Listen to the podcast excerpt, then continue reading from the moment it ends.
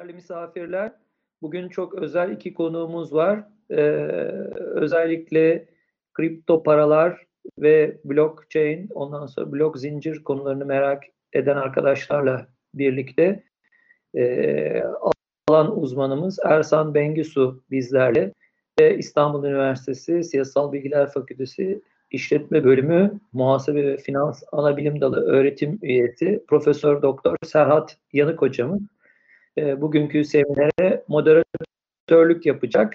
Ben şimdi sözleri misafirlerimize, hocalarımıza bırakıyorum. Teşekkürler. Öncelikle e, herkese iyi akşamlar diyerek sözüme başlamak istiyorum. Burada tanıdığımız çok değerli dostlar var. E, herkese iyi akşamlar. Sizlerin burada olması büyük keyif. Özellikle de Ersan Bengüs arkadaşımıza, benim değerli dostuma öncelikle e, bugün bize yayın için vakit ayırdığı için ona teşekkür ederek başlamak istiyorum. Bugün için bizim ortak bir paydamız var. Ersan Bey bir sınıf arkadaşıyız. Grupta da başka sınıf arkadaşlarımız da var. Bugün çok değerli bir hocamızı kaybettik. Ee, Ali Ülkü Azrak, e, Profesör Doktor Ali Ülkü Azrak hocamız, idare hukuku hocamız bize adaleti, kamu yönetiminde hukukun ne kadar önemli olduğunu, idare hukukunu, e, şeffaflığı bu tür konuları bize çok e, anlatmış, öğretmiş bir e, değerli hocamız, okulumuzun kurucusu. Onun üzüntüsünü yaşıyoruz. E, ama e, görevler devam ediyor. O yüzden birlikteyiz. Bugün e, dijital ekonominin finansın değişen yüzü, blockchain ve kripto paralar konusunda konuşacağız. Sayın Ersan Bengüsü e, uzun yıllar bu sektörde çalışmış. Kendisi kendisini anlatacağı için ben çok e, tanıtmak istemiyorum ama bu işte çalışmış çok değerli birikim olan birisi. E, ben hoş geldin diyorum ve sözü sana bırakıyorum sevgili Ersan. E, sorularım da olacak arada sırada sana. Tabii. E, top sende. Evet. Peki, e, iyi akşamlar herkese. E, hoş geldiniz. Benim çok sevdiğim bir büyüğümün çok güzel bir lafı vardır. E, onu da söyleyerek başlamak istiyorum. Hoş geldiniz, ne iyi ettiniz de geldiniz. E, sunumumuza renk verdiniz. Öncelikle e, teşekkür ediyorum katılımlarınız için. E, Serhat Hocam'ın da dediği gibi e, bugün onun için, benim için, buradaki pek çok bazı dostlarımız için, e, kısaca İstanbul Siyasal Camiası için e, biraz e, buruk bir gün, e, önemli bir değerimizi, çok sevgili hocamızı kaybettik. E, kendisine rahmet diliyorum. E, tabii e, Serhat Hocam'ın da dediği gibi hayat devam ediyor. E, biz de görevlerimizi, vazifelerimizi onun onların bize gösterdiği e, yolda e, bayrağı devralarak bir şekilde devam ettirmeye çalışıyoruz. E, çok kısacık kendimden bahsedeyim. E, bugün itibariyle e, tam 21 sene doldu, 22. seneye girmiş durumdayım. E, finansal piyasalardaki geçmişim. Üniversite sıralarında e, başlayan bir yolculuk e, aşağı yukarı e, ben e, hani orayı geçtim ama 1991 İstanbul Siyasal Bilgiler Fakültesi e, İstanbul Üniversitesi Kamu Yönetimi mezunuyum. Ee, öğrencilik sırasında finansal piyasalarla, borsa ile ilgilenmeye başladım. 98 senesinden itibaren de profesyonel olarak 10 sene e, bir fiil e, borsacılık tarafındaydım. E, daha sonra 2009'dan itibaren de e, kaldıraçlı döviz piyasası işlemleri, türev işlemler, e, türev piyasaları, e, döviz paritesi işlemleri gibi e, konularla e, hala hazırda da devam ediyorum. Son iki buçuk senedir, e, aşağı yukarı üç senedir de e, bugün adını da verdiğimiz e, dijital ekonominin finansal e, finansın değişen yüzü e, diye tabir ettiğimiz blockchain ve kripto paralarla da e, uğraşıyorum. E, bu konuda e, bir startup e, projem oldu. Bunu gerçekleştirdim. Bir kripto para borsası kurdum. E bununla e, uğraşmaya devam ederken e, hayatımın geri kalan bölümünde de e, birkaç şapkayı bir arada taşımaya çalışıyorum. E, yine e, İstanbul Üniversitesi'nde bir ikinci e, diploma olarak e, aldığım bir tarihçi e, tarih bölümünden mezunum aynı zamanda. Hali hazırda da kendi fakültemde, kendi üniversitemde e, siyaset bilimi ve uluslararası ilişkiler bölümünde yüksek lisansı devam ediyorum. Yani biraz siyaset bilimci kimliğim var, biraz tarihçi kimliğim var. Mesleki olarak da bir e, finansçı kimliğim var. Bugün e, bugün size sunmaya çalışacağım e, konuyla alakalı olarak da e, hepsinden biraz izler bulabileceksiniz. E, öncelikle burada size şunu belirtmek istiyorum. Bu çok fazla bir e, şey olmayacak. Çok teknik, teknolojik e, işte e, bir şey olmayacaktır. E, bir sunum olmayacaktır. E, biraz daha işin e, felsefesinden, e, biraz işin tarihçesinden, biraz ekonomisinden bahsetmeye çalışacağım. Kısaca sunumuma geçmek istiyorum ben. Şöyle, biz insanlık tarihini e, 24 saat, olarak düşünseydik eğer, insanlık tarihinin son 300 yılı bu 24 saatlik bölümün son 15 senesine, son 40 yılı ise e, 24 saate sığmış bir insanlık tarihi açısından son 2 saniyeye denk gelecek.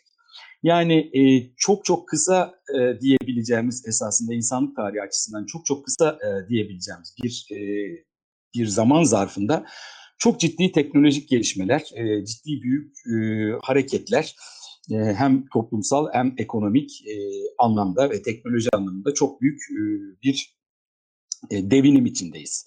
E, geldiğimiz nokta e, ve bugün bahsedeceğimiz kripto paralar ve blockchain süreci de bu teknolojik gelişmenin e, önemli bir sonucu. Biz teknolojik gelişmeyi yeni bir mal veya mevcut olanların daha ucuz ve kaliteli bir biçimde elde edilmesini sağlayan her türlü buluş, yönelik, yenilik, yöntem veya süreç olarak tanımlayabiliyoruz. Ee, size bir e, fotoğrafla kısaca bunu göstermek istedim esasında. Görmüş olduğunuz fotoğraf e, New York'ta e, 5. cadde dediğimiz Fifth Avenue dediğimiz e, caddenin 1900 senesindeki fotoğrafı. Daire içine bakarsanız şu anda da elimle işaret etmeye e, çalışıyorum. Sadece e, bu kadar e, atlı arabanın yanında sadece bir tane motorlu araç görür, görürsünüz. E, aynı caddenin 1912 senesindeki fotoğrafına gör, e, baktığınız zaman e, bu kadar motorlu aracın yanı sıra sadece bir tane e, atlı araç görmektesiniz. Yani e, teknolojinin e, çok ciddi bir şekilde hızla geliştiğini e, insanların e, kavraması açısından bence son derece dikkat çekici bir e, anekdot diye düşünüyorum. E, fintech dediğimiz konu son zamanlarda e, oldukça fazla gündemimize gelen bir konu. Biz fintech ya da techfin esasında ikisi bir tık birbirinden farklı kavramlar olabilir ama e, yine de e, donanım ve yazılımla ilgili gelişimlerin finansal ürün ve hizmetlere uyarlanmasına ve finansal teknolojilerin gelişimini biz kısacası fintech olarak adlandırıyoruz. Bunu e, hayatımızın e, çokça çokça uzun bir geçmişinde olmayan kısa bir süre diyebileceğimiz öncesinde önce e, kredi kartları, e, ATM'ler gibi e, bir takım e, şeylerle gündeme geldi. E, daha sonrasında da e, daha da hızlanarak özellikle internetin gelişiminden sonra daha da hızlanarak finansal teknolojiler oldukça e, çok yönlü bir şekilde hayatımıza girdi ve hala hazırda da çok büyük bir hızla gelişmeye devam etmekte. Peki finansal teknolojilerin belki de geldiği en önemli noktalardan ya da en son noktalardan bir tanesi e, bugün sizlere sunumunu gerçekleştirme veyahut da birazcık anlatmaya çalışacağım blockchain teknolojisi. Blockchain teknolojisini biz e, baktığımız zaman çok önemli e, dört tane ana yapısı e, olduğunu göreceğiz. Blockchain'i şöyle tarif edebiliriz. Kısaca şifrelenmiş işlem takibi sağlayan dataların yani şifrelenmiş işlemler var. Şifrelenmiş işlemlerin olduğu datalar var. Birbirine kriptografik bağlarla bağlı olduğu ve sürekli büyüyen bir dağıtık veri tabanı olarak tanımlayabiliriz. Yani e, esasında çok da basit anlatmaya gerek e, yol açacak bir tanımlama vermem gerekirse blockchain'in özelliğinde dört tane ana kavram var. Şifrelenmiş, birbirine bağlı, sürekli büyüyen bir dağıtık yapıdan bahsediyoruz. Dağıtık Bilgileri mi? Ee, Ersan Hocam bilgileri mi şifreliyoruz esas buradaki konu şu?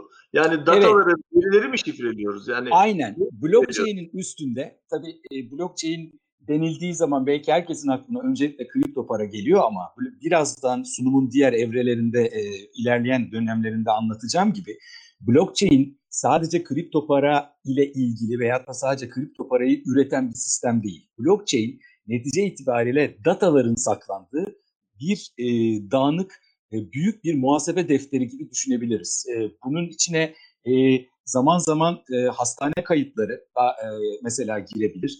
E, insanların tapu kayıtları girebilir. Bunlar da birer datadır.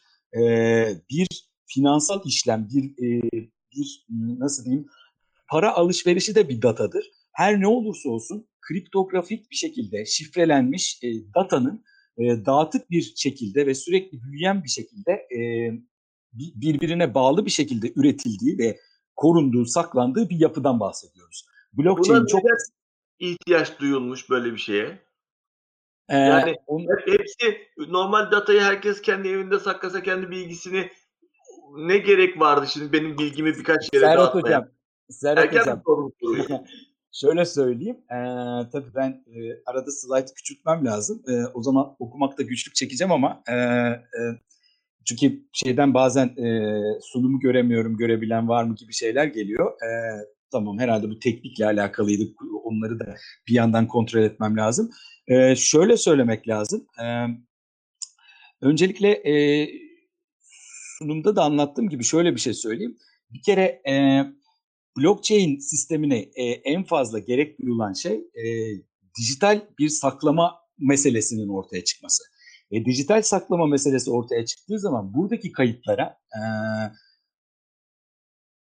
eğer ki dijital bir e, şifreleme sistemi olmazsa ve bu dağıtık bir yapı şeklinde e, ortada e, e, saklanabilecek bir yapı halinde dolaşmıyorsa bunun zaman damgası problemi gibi bir şey var. Yani bu sistemin ilk ortaya çıkışı, blockchain sisteminin ilk ortaya çıkışındaki ana mesele geçmiş kayıtlara dijital ortamda e, zaman damgası dediğimiz şeyin yani onayın e, geçmişe yönelik olarak e, bu tarz şeylerde kırılma veyahut da e, hack edilme gibi nedenlerden dolayı e, tasdik veyahut da onay veyahut da zaman damgası dediğimiz şeyin e, geçmişe yönelik olarak koruma altına alınması nedeninden kaynaklanıyor. Yani öyle bir sistem bulalım ki bizim geçmişte yapmış olduğumuz bir transfer işlemi ya da sakladığımız bir data bugün itibariyle değiştirilemez olsun. Herhangi bir şekilde bir bilgisayar korsanının ya da bir dijital sisteme giren bir kişinin bu konuda yetenekli bir kişinin daha önceden yapılmış bir işlemi değiştirebilme şansını elinden alalım. Bunu nasıl yaparız? İşte e, bunu yapabilmenin e, şeyi olarak, e, sonucu olarak da biz e, zaman damgasını dijital ortamda şifreleme yöntemine doğru giden ve de ucu ta 1991'den itibaren e, geliştirilmeye başlanan bir teknolojiden bahsediyoruz. E, o yüzden de herkese açık bir muhasebe defteri düşünelim. E, hocam siz bu işi benden daha iyi bilirsiniz. Muhasebe sizin konunuz. E, ama netice itibariyle e, muhasebe kayıtlarının geçmişe yönelik olarak değiştirilememesi belki de e, defterin korunması e, herkes şirketinde defterini veyahut da muhasebe e, mali müşavirler e, şirket defterlerini e, dijital ortamda bile çok ciddi korumalar altında tutuyor. Neden? Çünkü bunlarda bir değişiklik olursa sıkıntılar çıkar. E, bunun olmaması için de buna bir yol bulunması gerekiyor. Bu da dijital damganın çift veyahut da iki kere dijital damga olmaması, onayın iki kere verilmemesi ya da geçmişe yönelik olarak düzeltilmemesi için. İşte bu yüzden dağıtık defterin yani bizim ledger dediğimiz blockchain'in ana yapısına oluşan dağıtık defterin tek bir merkezde tutulmaması. İşte sürekli ağ dediğimiz şey biraz evvel sunumda bahsettim. Şifrelenmiş bir şekilde sürekli bir şekilde sürekli ağın ve büyüyen bir ağın ortaya çıkarılması bu yeniden damgalama veyahut da zaman damgasını geriye yönelik yapmanın e, önüne geçen bir sistem. Peki bu nasıl oluyor? E, bunu bir parça anlatmaya çalışalım. E, şöyle ki e, ileride de anlatacağız. E, bunun en önemli özelliklerinden bir tanesi, daha doğrusu önce e, madem geldik o kısmını anlatayım. E, ön sonra da bir bloğun, bloğun yapısında neler var e, ona e, onu göstermeye çalışayım. E, böyle anlatabilirim. Mesela bu yani bu bulut teknolojisi dahi olsa her ne olursa olsun girdiğimiz bütün sitelerin e, bilgilerimizi paylaştığımız işte mail sağlayıcıların, mail serverların ya da sosyal medya serverların, sosyal medya ağlarının serverların, bizim bilgilerimizin bütün hepsinin korunduğu tüm serverların bulut dahi olsa tek bir e, merkezi var. Düşünün ki e, işte e, çok büyük bir gökdelenin içinde 10 e, katı tutan büyük bir bilgisayar ağı düşünün ama ne olursa olsun tek merkezden idare ediliyor. Bu merkeze yapılacak herhangi bir atak, öyle veya böyle fiziki bir saldırı bizim e, serverların çökmesine ve bizim bilgilerimizin herhangi bir şekilde ele geçmesine ya da hacklenip ele geçmesine neden olunabiliyor ki bunu şey yapıyoruz. Bakın burada örnek olarak bu merkezi veri sisteminden bahsediyoruz. Fakat blockchain network'ü bu merkezi sistemin yerine dağıtılmış veri sistemini kullanmakta.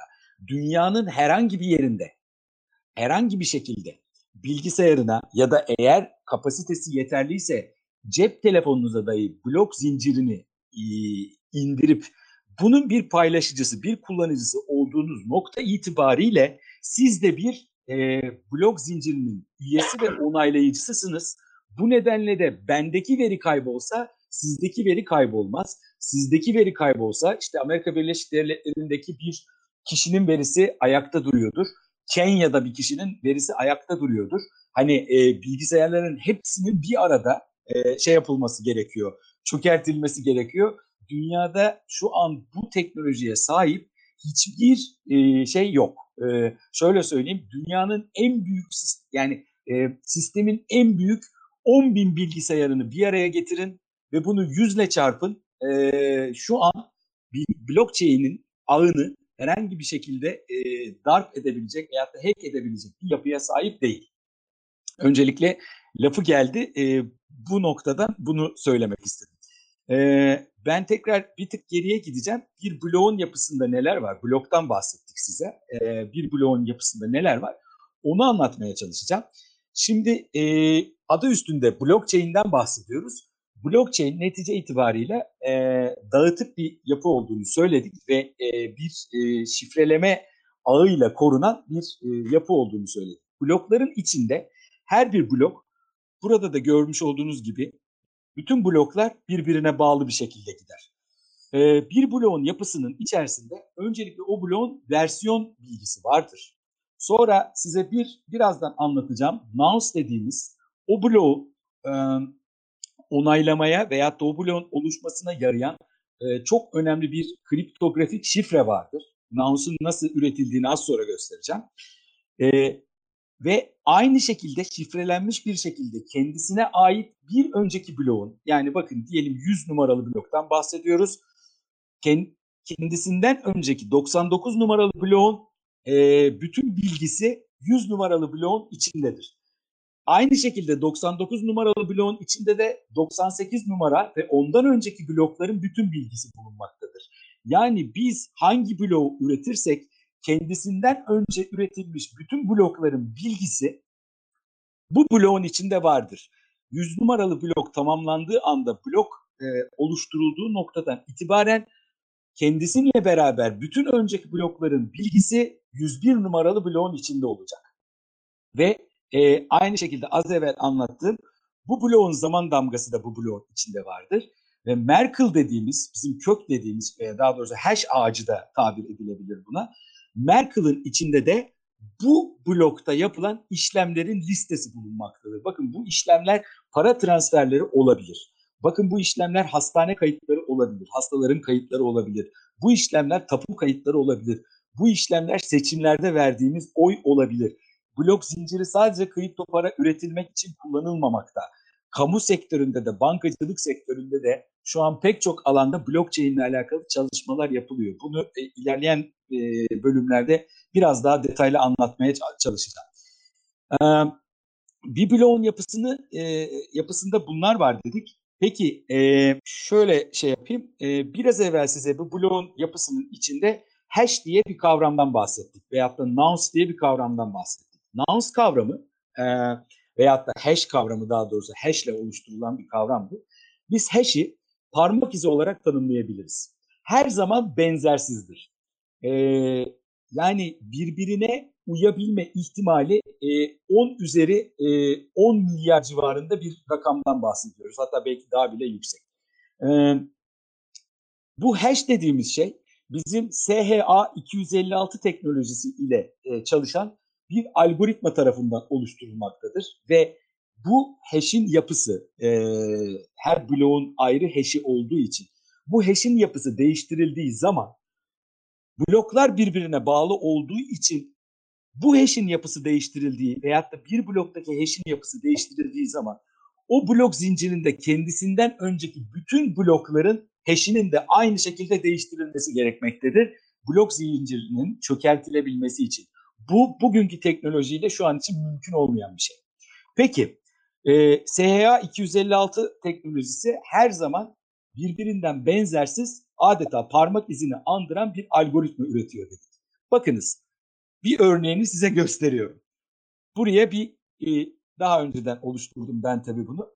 Merhaba arkadaşlar diye bir şey yazdım. Ve bunu ben SHA 256 şifresiyle, SHA 256 algoritmasıyla şifreledim. Görmüş olduğunuz gibi 6A9B diye alfanümerik e, bir e, şifre bana üretti. Ve e, bunu hash halinde e, buraya şey yaptı, e, verdi. Bir başka şey yazdım ve e, şifre daha doğrusu e, farkındaysanız daha uzun bir cümle e, kurdum. Merhaba arkadaşlar, işte umarım e, size faydalı oluyoruz gibi burada okuyorsunuz. Bir başka şey yazdım ve e, yine ben SHA 256 algoritmasıyla bunu şifreledim. Bir öncekinden e, e, bir önce de mesela e, daha kısa bir şey yazmıştım. Merhaba arkadaşlar, sunum nasıl gidiyor yazmıştım. Bunu şifrelemiştim bana e, benzersiz bir SEA256 algoritması üretti. Daha uzun e, dediğim gibi e, daha uzun bir e, şey daha uzun bir e, yazı yazdığım zaman yine e, benzersiz bir kod üretti. Ben buraya söz gelimi bir, e, ne bileyim e, Dostoyevski'nin suç ve cezasını e, yazsam ya da Atatürk'ün nutkunu yazsam ya da ne bileyim Victor Hugo'nun sefillerini yazsam ve yine bir e, SH 256 şifrelemesiyle bunu şifrele desem bana buna benzer 38 haneli e, ya da 42 haneli alfanümerik bir şey üretecek. Bir kod üretecek. İşte bizim blok zincirinde az evvel size söylediğimiz içindeki e, nonce dediğimiz şey e, bu. Bu bir bloğun e, oluşturulabilmesi için e, başlangıçta blok zincirinin e, ilk blok yani daha doğrusu 100 numaralı blok diyelim 99'a eklendiği anda e, üretilen bir kod ve e, bizim Bitcoin evet, veyahut da daha doğrusu blockchain'i o, onaylayan e, her bir birim ki bunlara kutup diyoruz, düğüm diyoruz, not diyoruz bunlara. Bu düğümler her biri bu e, şifreyi bulmaya, bu matematik algoritmasını bir, bir anlamda bu matematik problemini çözmeye, bu matematik algoritmasını bulmaya ve bu şekilde bloğu onaylamaya çalışıyor. Bu anlamda da bu. Bir şey sorabilir miyim? Tabii. Yani anladığım kadarıyla aynı nehirde bir daha yıkanamıyoruz galiba. Evet, Zavallı aynı nehir aynı nehirde bir daha yıkanamadığınız gibi e, o nehirden geçen her bir molekül suyun e, yapısı aynı fakat özelliği ayrı. E şimdi ben kestiğim faturayla geriye dönüp oynayamayacaksam üzerinde ne zevki kaldı bu işin? Hocam bu bize yönelik bir soru mu yoksa dünyanın geneline yönelik bir soru mu? Ben onu şöyle anlatayım. Evet, e, bilanço makyajlama konusunda uzmanlar var. E, ben isim vermeyeceğim onunla alakalı ama e, en azından şunu söyleyebilirim. E, neye gerek var? İşte e, zaten anonimlikten gelen şeffaflık diyoruz biz blockchain'i tanımlarken veyahut da bu yapıyı anlatmaya çalışırken anonimlikten gelen şeffaflıktan bahsetmeye çalışıyoruz. Ee, bazı belki bilgiler burada çok teknolojik ama e, şunu anlatmaya çalışıyorum. İnsanların sadece birbirine, çünkü bu ağ biraz evvel anlattım, düğümden düğüme giden bir ağ. Yani bunun için hiçbir merkezi otoriteye ihtiyacımız yok farkındaysanız. Yani hocam muhasebe defterini tuttun git notere imzalat. Aynen beni çok ilgilendiren nokta. Mesela atıyorum Merkez Bankası bir açıklama yaptı, bir bilanço yayınladı. Sonra bunu değiştiremeyecek. Sonuçta A Evet değiştiremeyecek. Net, at, net hata.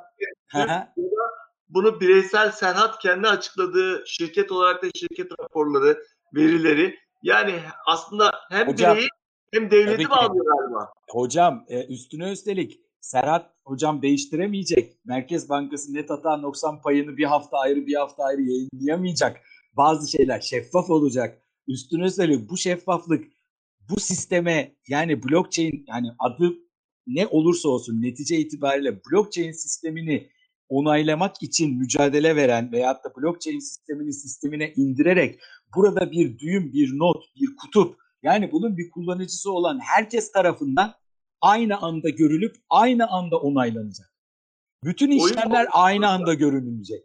Bütün Oyun bozucu işlemler bu. efendim Oyun bozucu bir sistem bu sanki. oyun bozucu bir sistem hocam. Oyun bozucu. Buna e, açık söylemek gerekirse biraz devrimci bir sistem diyorlar. Bilmiyorum ben de belki o yüzden seviyorum hocam. Bilemiyorum ama Aynen belki de. Evet. Devrimci bir sistem diyorlar. E, çünkü dediğim gibi e, bugüne kadar bildiğimiz yöntemlerle oynanamıyor bununla. Hacklenemiyor bir türlü. İçine girip de işte ben bunu buradan alayım, bu bilgileri buradan çekeyim.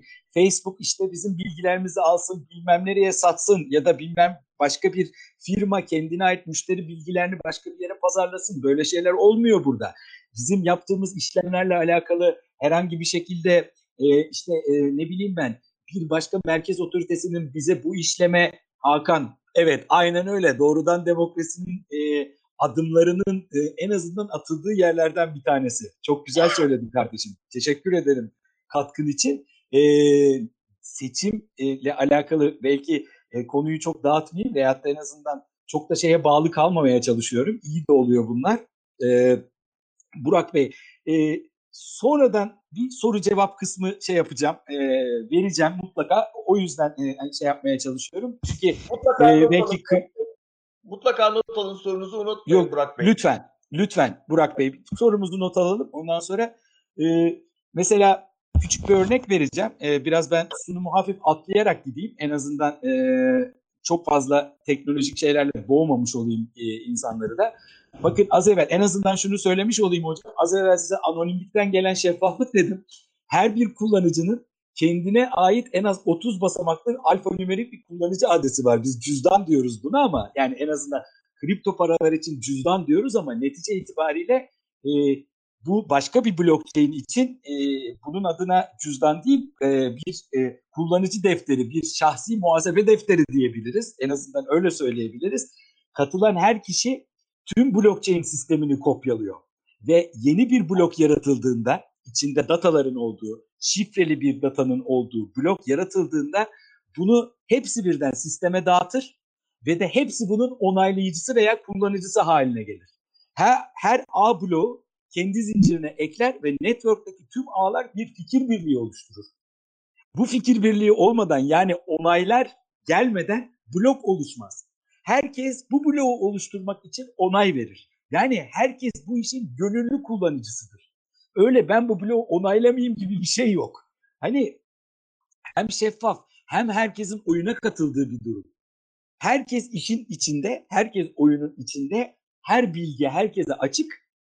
Yani e, şeffaflık e, ve de e, üstüne üstelik e, bir de bir şey daha söylemem lazım. Tabii bunun e, bir tık daha ötesini söyleyeceğim. O yüzden de hani kullanım konusundan bakıldığı zaman e, blockchain e, sistematik olarak e, insanlığın geleceğinin altyapısını kurmaya aday bir sistem.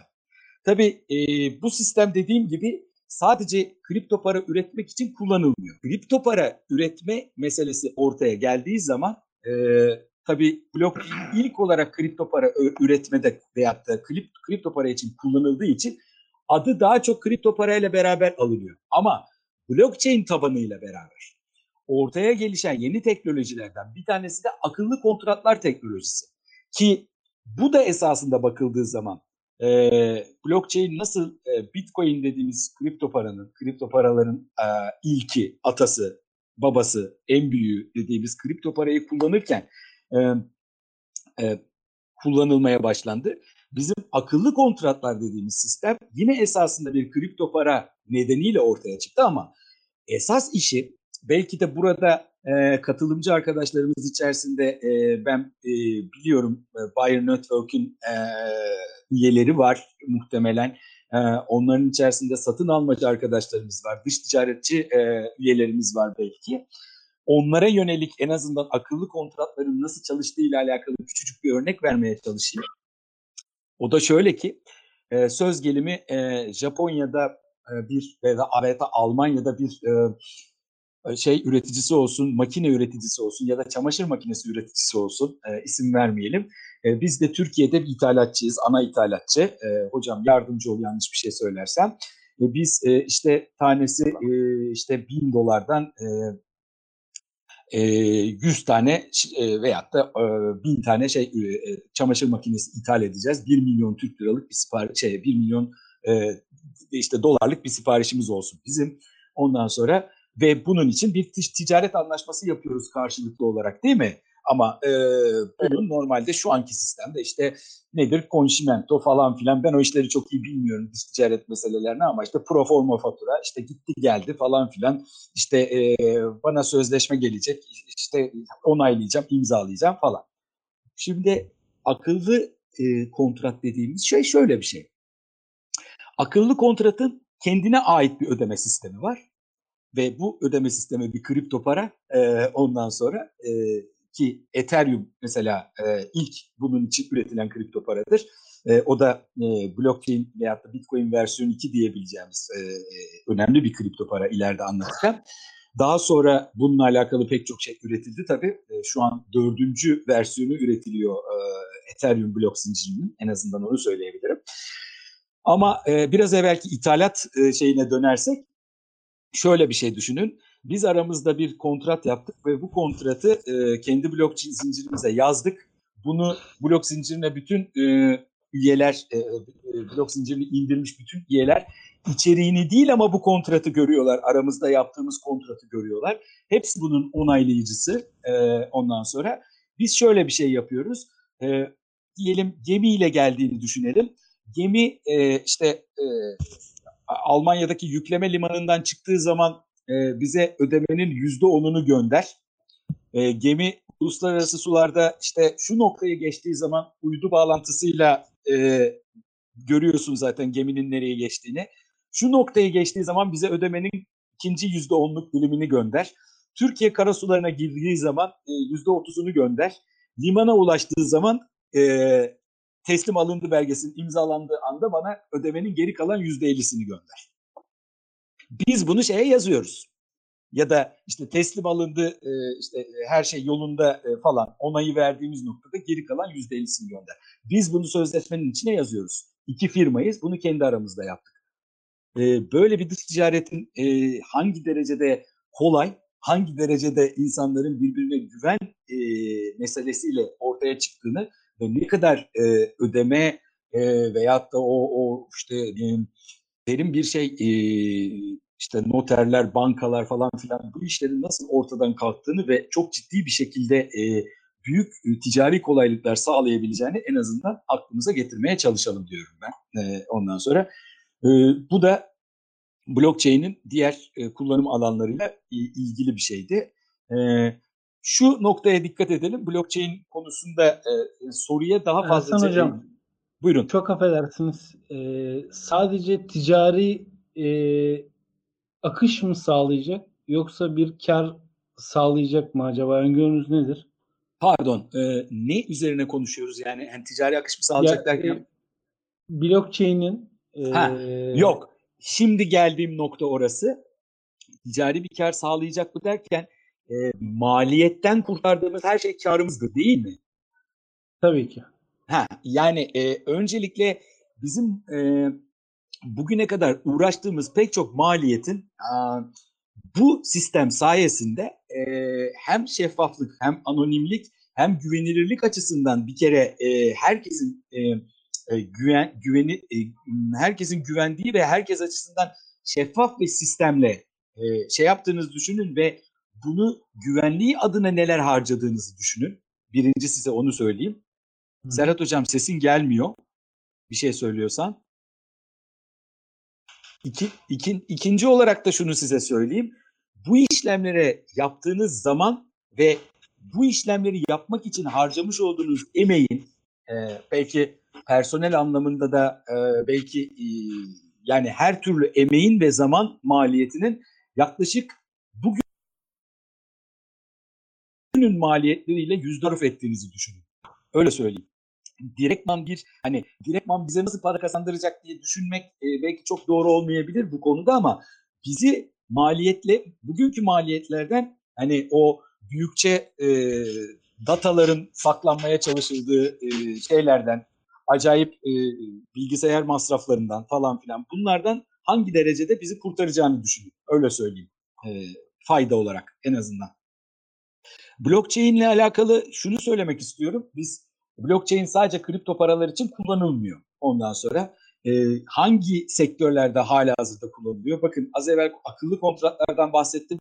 Akıllı kontratlar dijital haklarla alakalı ki e, burada e, nedir o telif hakları mesela sanatçılar açısından özellikle çok büyük problem olan bugün YouTube'da izlediğiniz veyahut da sosyal medyada izlediğiniz o üretilen videoların e, dijital hakların çok önemli e, bir çalışma bu konuda yapılıyor, yapılmaya devam ediliyor hala hazırda.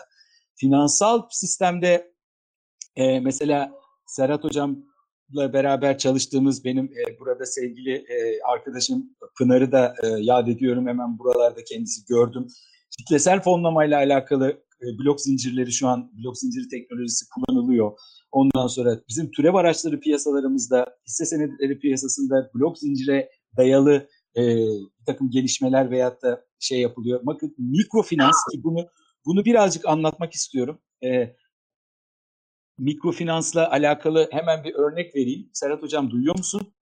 Duyuyorum. Bir toplum tamam, geldi. Tamam.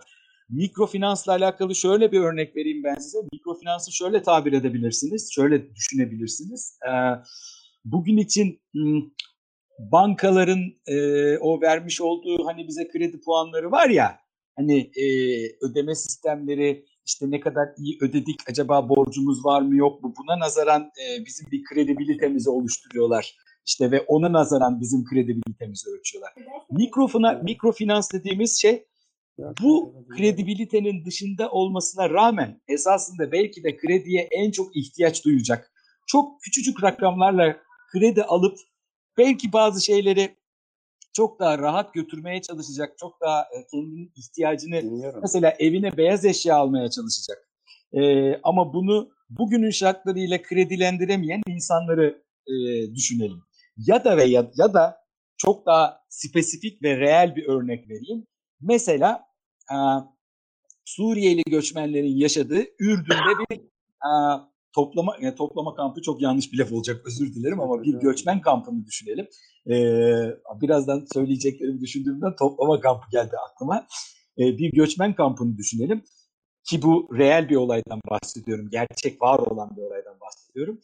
Onlar için e, Birleşmiş Milletler'in e, bu konuyla ilgili e, fonunun e, ondan sonra UNESCO'nun bir programı var ve kripto para e, bunun için üretilmiş bir kripto para e, ile bir e, bir göçmen kampında, Ürdün'de bir göçmen kampında Suriyeli göçmenler kendilerine tanımlanmış bir şifreleme metodu tarzındaki bir kripto parayla e, buradaki bakkallardan veyahut da marketlerden sadece ve sadece bununla ve kendilerine mikrofinans anlamında düzenlenmiş bir kredibiliteyle alışveriş yapıyorlar.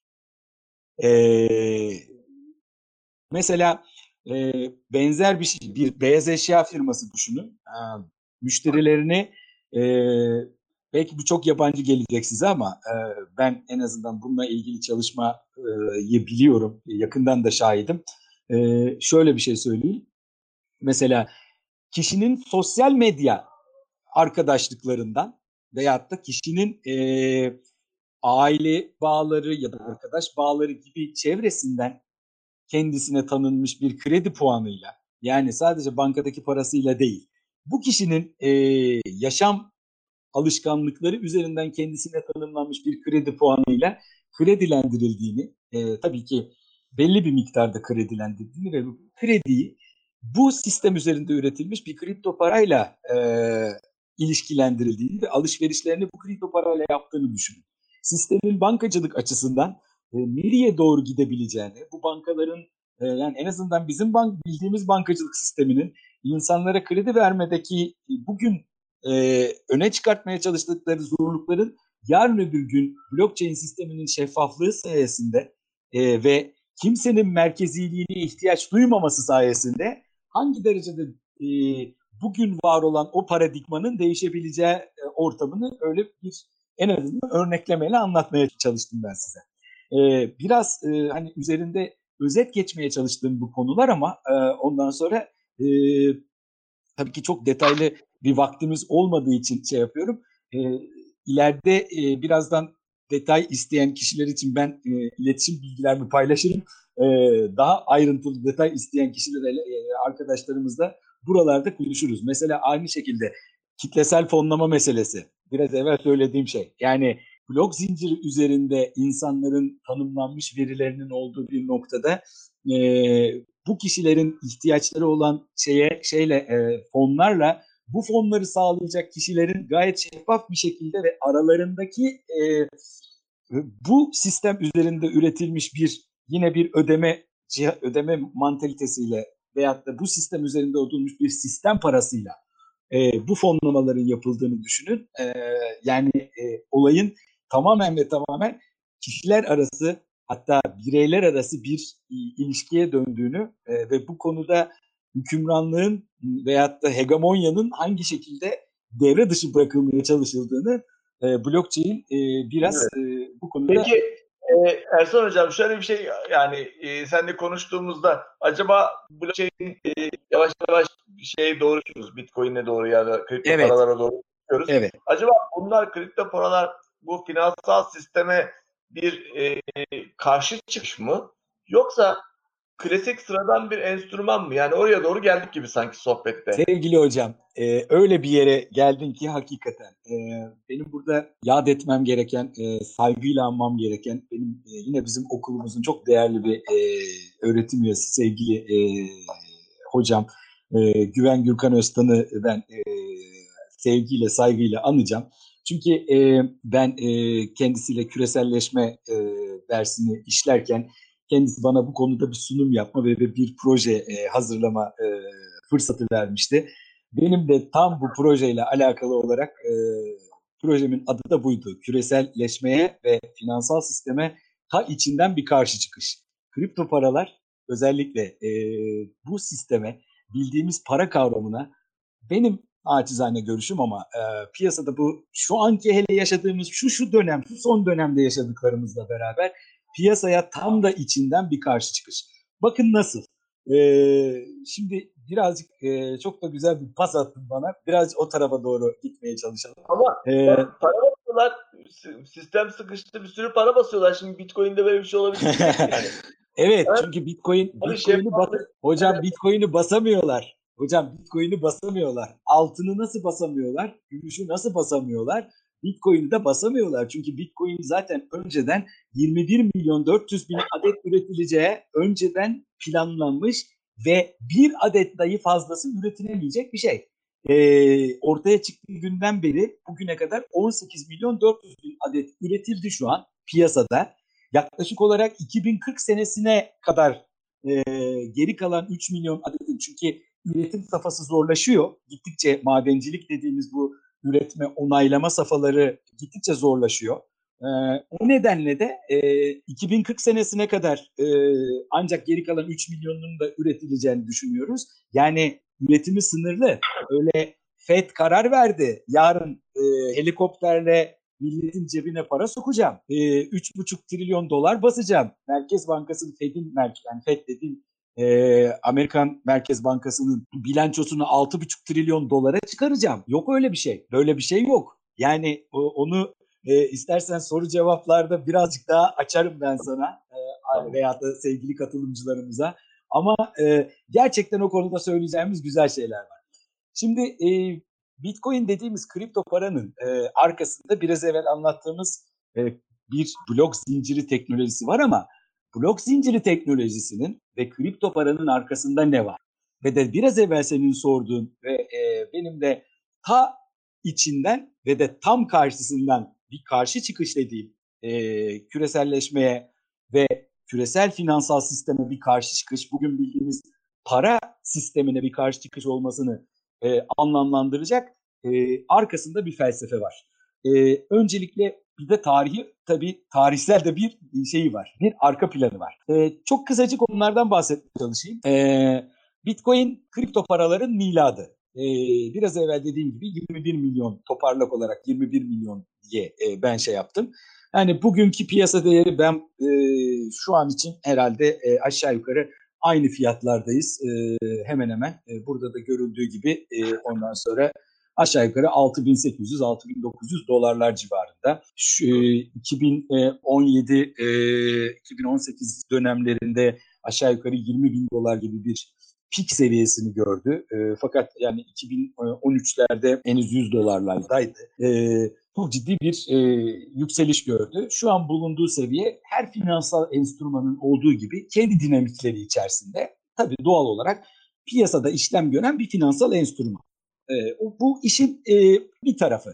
Fiyatı o olur, fiyatı bu olur, fiyatı düşer, fiyatı çıkar. E, bu, bu işin başka bir tarafı. E, yani o, o ayrı bir konuşulacak konu. Ama e, Bitcoin netice itibariyle dijital bir para birimi. Maddesel ve fiziksel bir karşılığı yok. Hani hiç bilmeyenler için söylemek şey anlatıyorum bunu. İnternet olan herhangi bir noktadan transfer edilebilir. Bir merkezi yoktur ve A kişisinden B kişisine yani kişiler arasında bir transfer sağlar. Bunun bir aracısı ve bir komisyoncusu yoktur. Açık kaynak kodla yazılmıştır. Bitcoin ve bu kripto paranın, Bitcoin'in e, biraz evvel anlattığım gibi sistemi e, herkese açıktır. Sistemin sahibi ise onu kullanan herkestir. Sistemin sahibi kim? Arkasında kim var? Hangi merkez bankası üretiyor? Ya bu işte neydi o? Rothschild aile. Ya yok öyle bir şey. Ya hani öyle bir şey yok. Ne merkez bankası var sistemde, ne bilmem ne partisi var, ne bilmem ne ailesi var. Hiç kimse yok. Bu kişinin veyahut da bu sistemin sahibi biziz. Yani herkes. biziz derkes herkes. herkes. Tüm ülkelerde kullanılabilir ve kişisel hesaba müdahale edilemez. Kişisel hesap dediğim şey bir cüzdandan ibaret 32 haneli bir e, alfanümerik koddur.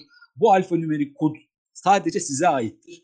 Bunu isterseniz e, şifreli bir USB dediğimiz bir cüzdanı alırsınız cebinizde taşırsınız. İster, isterseniz kağıda şifresini yazarsanız cebinizde taşırsınız. Kasanıza koyar kitlersiniz. Ya da bir kripto para borsasında tutarsınız. Canınız nasıl isterse. Sahibi sizsiniz dediğim gibi. Güvenliğini de siz tespit edeceksiniz.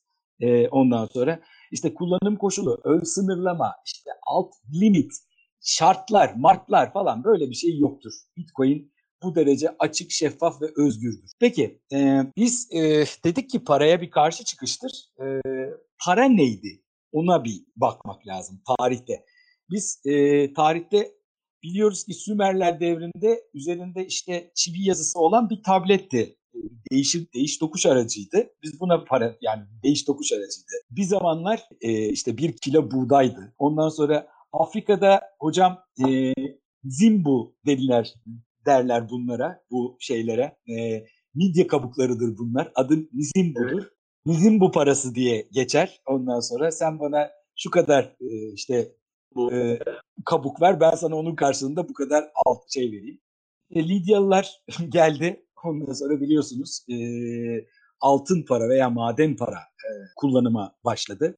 Daha sonra gerçi 1215 para 1215 tarihinde e, şey Çin'de biliyorsunuz ondan sonra e, meşhur e, Çin daha doğrusu Mo, Moğol İmparatoru işte Hulaguan e, ondan sonra kağıt para kullanmaya başlamıştı. Fakat hani biz orada yine e, işte Avrupa tarihini tarihin şeyine koyuyoruz merkezine 1789'da sanki doğdu her şey. İşte e, en azından İngiltere'de banknotların ortaya çıkması e, klasik biliyorsunuz sanayi devrimi, işte endüstri devrimi, işte e, ikili devrim e, falan filan. Ondan sonra bir dönem sonra biz 1980'lerin başlarından itibaren e, plastik parayı tanıdık. Hani bizim çocukluğum hocam, bizim gençliğimizde falan ilk defa aynen, ortaya çıktı aynen. değil mi? Ondan sonra biz e, biz herkese vermiyorlardı bir de. Tabii bir de herkese vermezlerdi.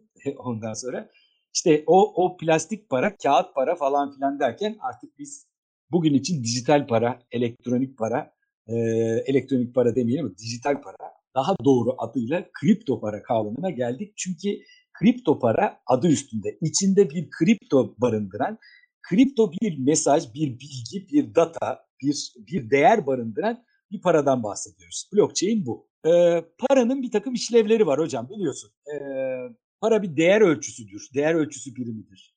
Para bir değişim aracıdır. İki malın e, bir değişiminde üçüncü bir mal olarak e, araya girer ve değişimdeki e, bölümleri birbirinden ayırır. E, para bir biriktirme aracıdır aynı zamanda. Aynı zamanda da para çok iyi biliyoruz ki hele şu anda en gündemde olan işleviyle bir iktisat politikası aracıdır. E, para otoriteleri faiz oranlarını, para arzını kontrol etmek yoluyla paranın bir iktisat politikası aracı olmasını e, şey yaparlar, e, kullanırlar.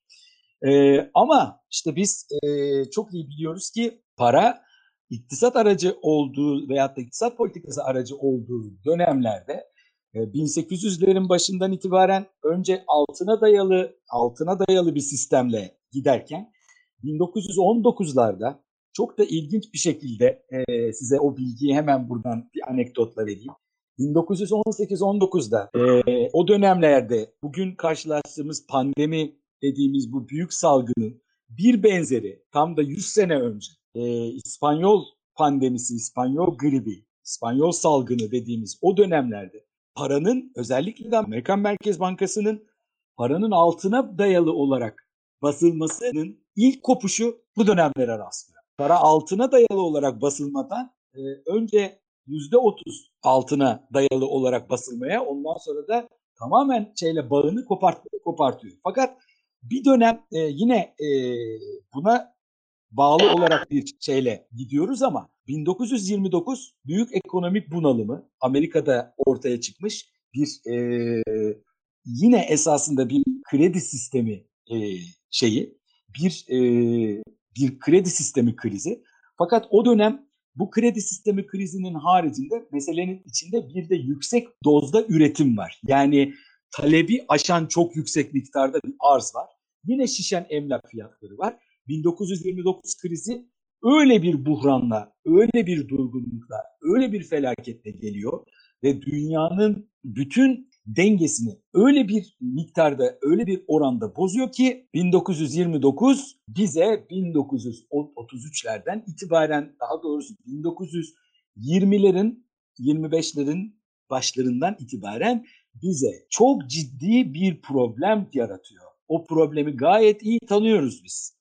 O problem 1939'lardan itibaren dünyanın kan ve ateşe boğulduğu İkinci Dünya Savaşı'nın temelinde, esas temelinde yatan totaliter e, hükümet sistemlerinin, e, otoriter hükümet sistemlerinin iktidarlara gelmesinde Avrupa'da halkların, bütün dünyada halkların birbirine e, çok ciddi bir şekilde düşman kesilmesini propaganda ederek iktidara gelmesinde 1929 krizinin çok çok çok ciddi bir şey var.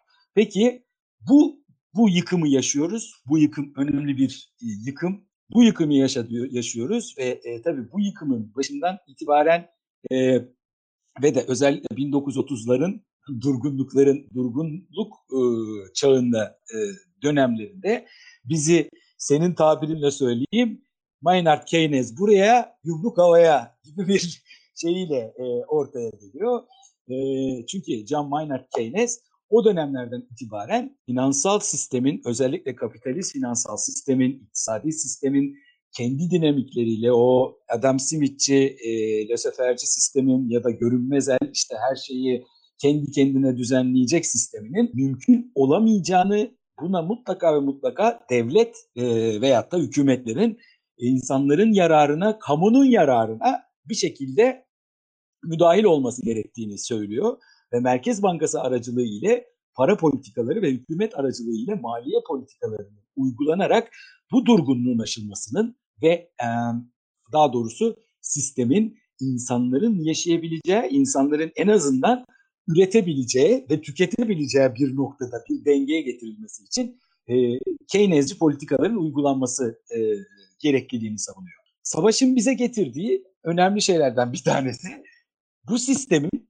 e, bu biraz evvel altına dayalı altına dayalılığı kesilmiş sistemin yeniden tamir görmeye çalışması. haydi gelin diyorlar biz yine altın standartını uygulamaya başlayalım. Bunun için de 1945'te hemen e, İkinci Dünya Savaşı'nın bitiminde Bretton Woods sistemi e, diye bir sistem e, ortaya koyuyorlar. Bütün dünya bir araya geliyor, dünyanın liderleri ve Amerika'nın tabii savaştan galip çıkmasının, hegemonyayı da ilan etmesinin e, nedeniyle Amerika'nın para birimi olan doların bütün dünya üzerinde rezerv para birimi olarak kabul edilmesini, bu rezerv para biriminin de ons altının değerine eşitlenmesini, daha doğrusu bir ons altın 35 dolara eşitlenecek. Diğer para birimleri de dolara eşitlenecek veyahut da dolara parite edilecek bir, bir düzenleme kuruluyor ve e, bununla beraber Bretton Woods sistemiyle bütün dünyada dolar e, hükümran para olmayı veyahut da rezerv para olmayı e, gerçekleştiriyor.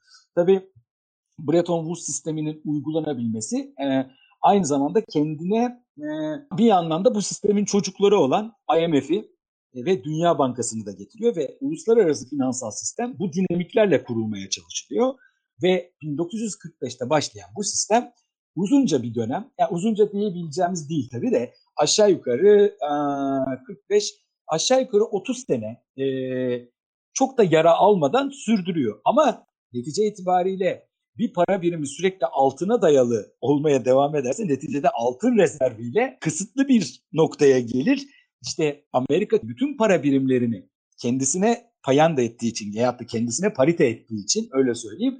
Bir zaman sonra e, her para istendiğinde altın karşılığını bulmayı ve para basmayı artık belli bir noktadan sonra taşıyamıyor. Hangi noktadan sonra taşıyamıyor? Ee, işte şu noktadan itibaren taşıyamıyor.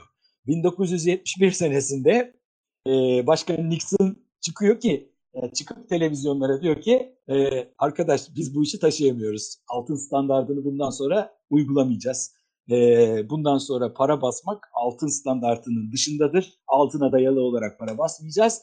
Artık e, elimize ne gelirse basacağız. İşte 1971'de başlayan o sistem bütün dünya üzerinde evet, bugün bir bir ons altın e, şimdi galiba yanlış görmediysem 1715 dolara kadar 17, gelmiş. Çok iyi biliyorum. E, bugün içim çıktı evet. onunla uğraşmaktan. 1715-1720 aralığında ondan evet, sonra. Yani 50 kat aşağı yukarı 50 kat gelmiş. Evet, evet, evet. Gelmiş. Yani. Aynen, aynen hocam. Yani 50 küsur kat değil mi? Doğru söylüyorsun. Aynen evet. öyle. Yani, yani e, öyle oldu yani. Evet. Hocam e, bir düşünelim mi neden? Hani bunu bir bunu bir soru olarak alt tarafa, arka tarafa atalım. Bir gö- Peki e, bir düşünelim mi nereye gidebilir? Bir de onu düşünelim istiyorsan. Evet. Bunu bunu bu, bunu bir yere bunu bir yere koyalım öncelikle. Peki e, bu finansal Aslında sistemin sormayacağım merak etme yani sonunda. Efendim yok yok sorabilirsin. E, konuşurum. onu konuşurum. Onu konuşurum. Yalnız e, şöyle de bir şey var.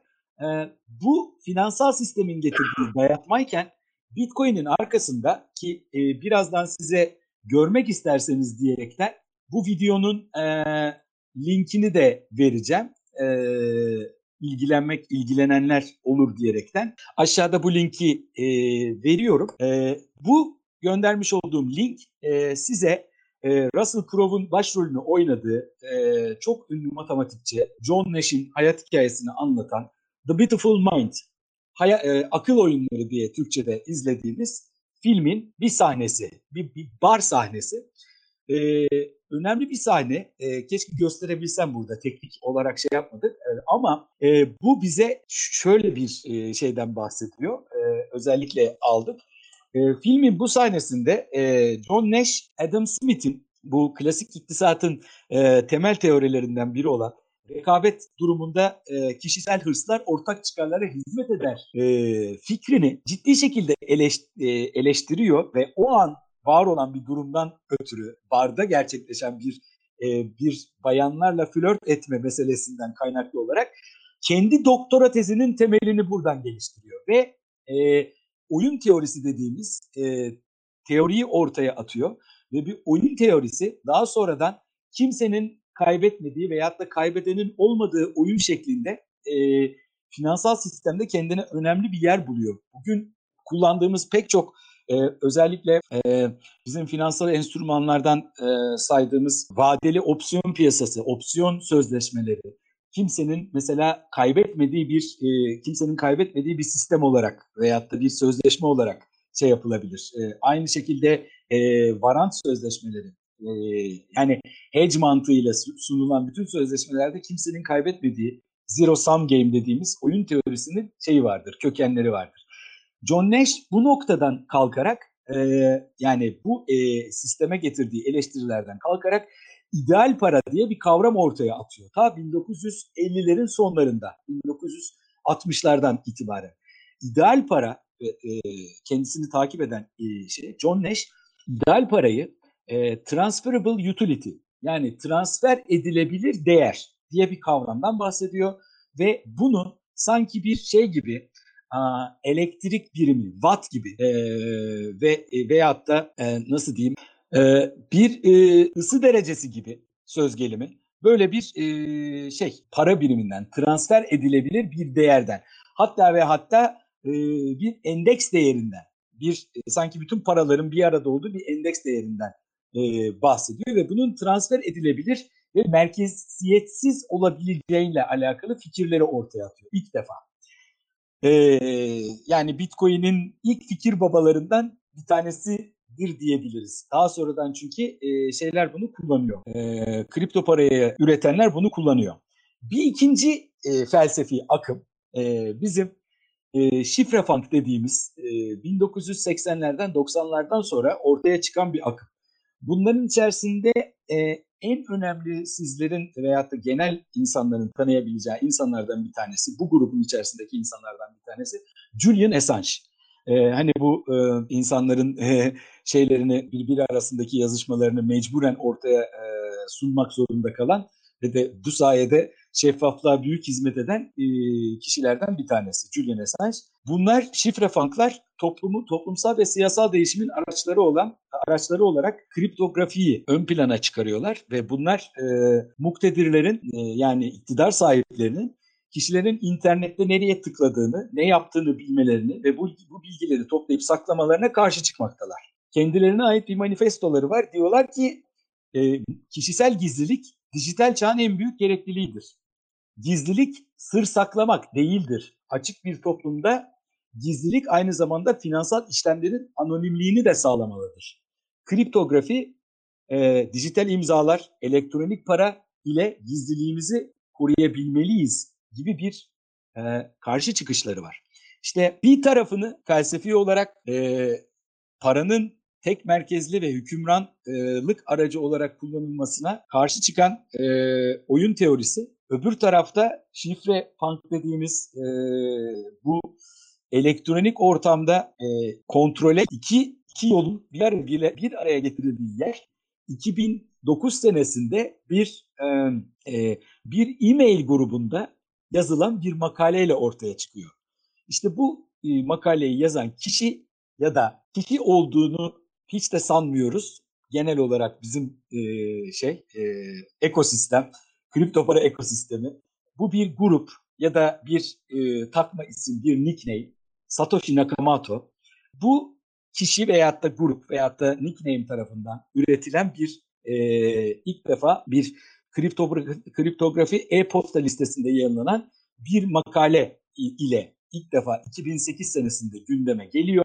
Bu dijital transfer edilebilir bir para birimi meselesi.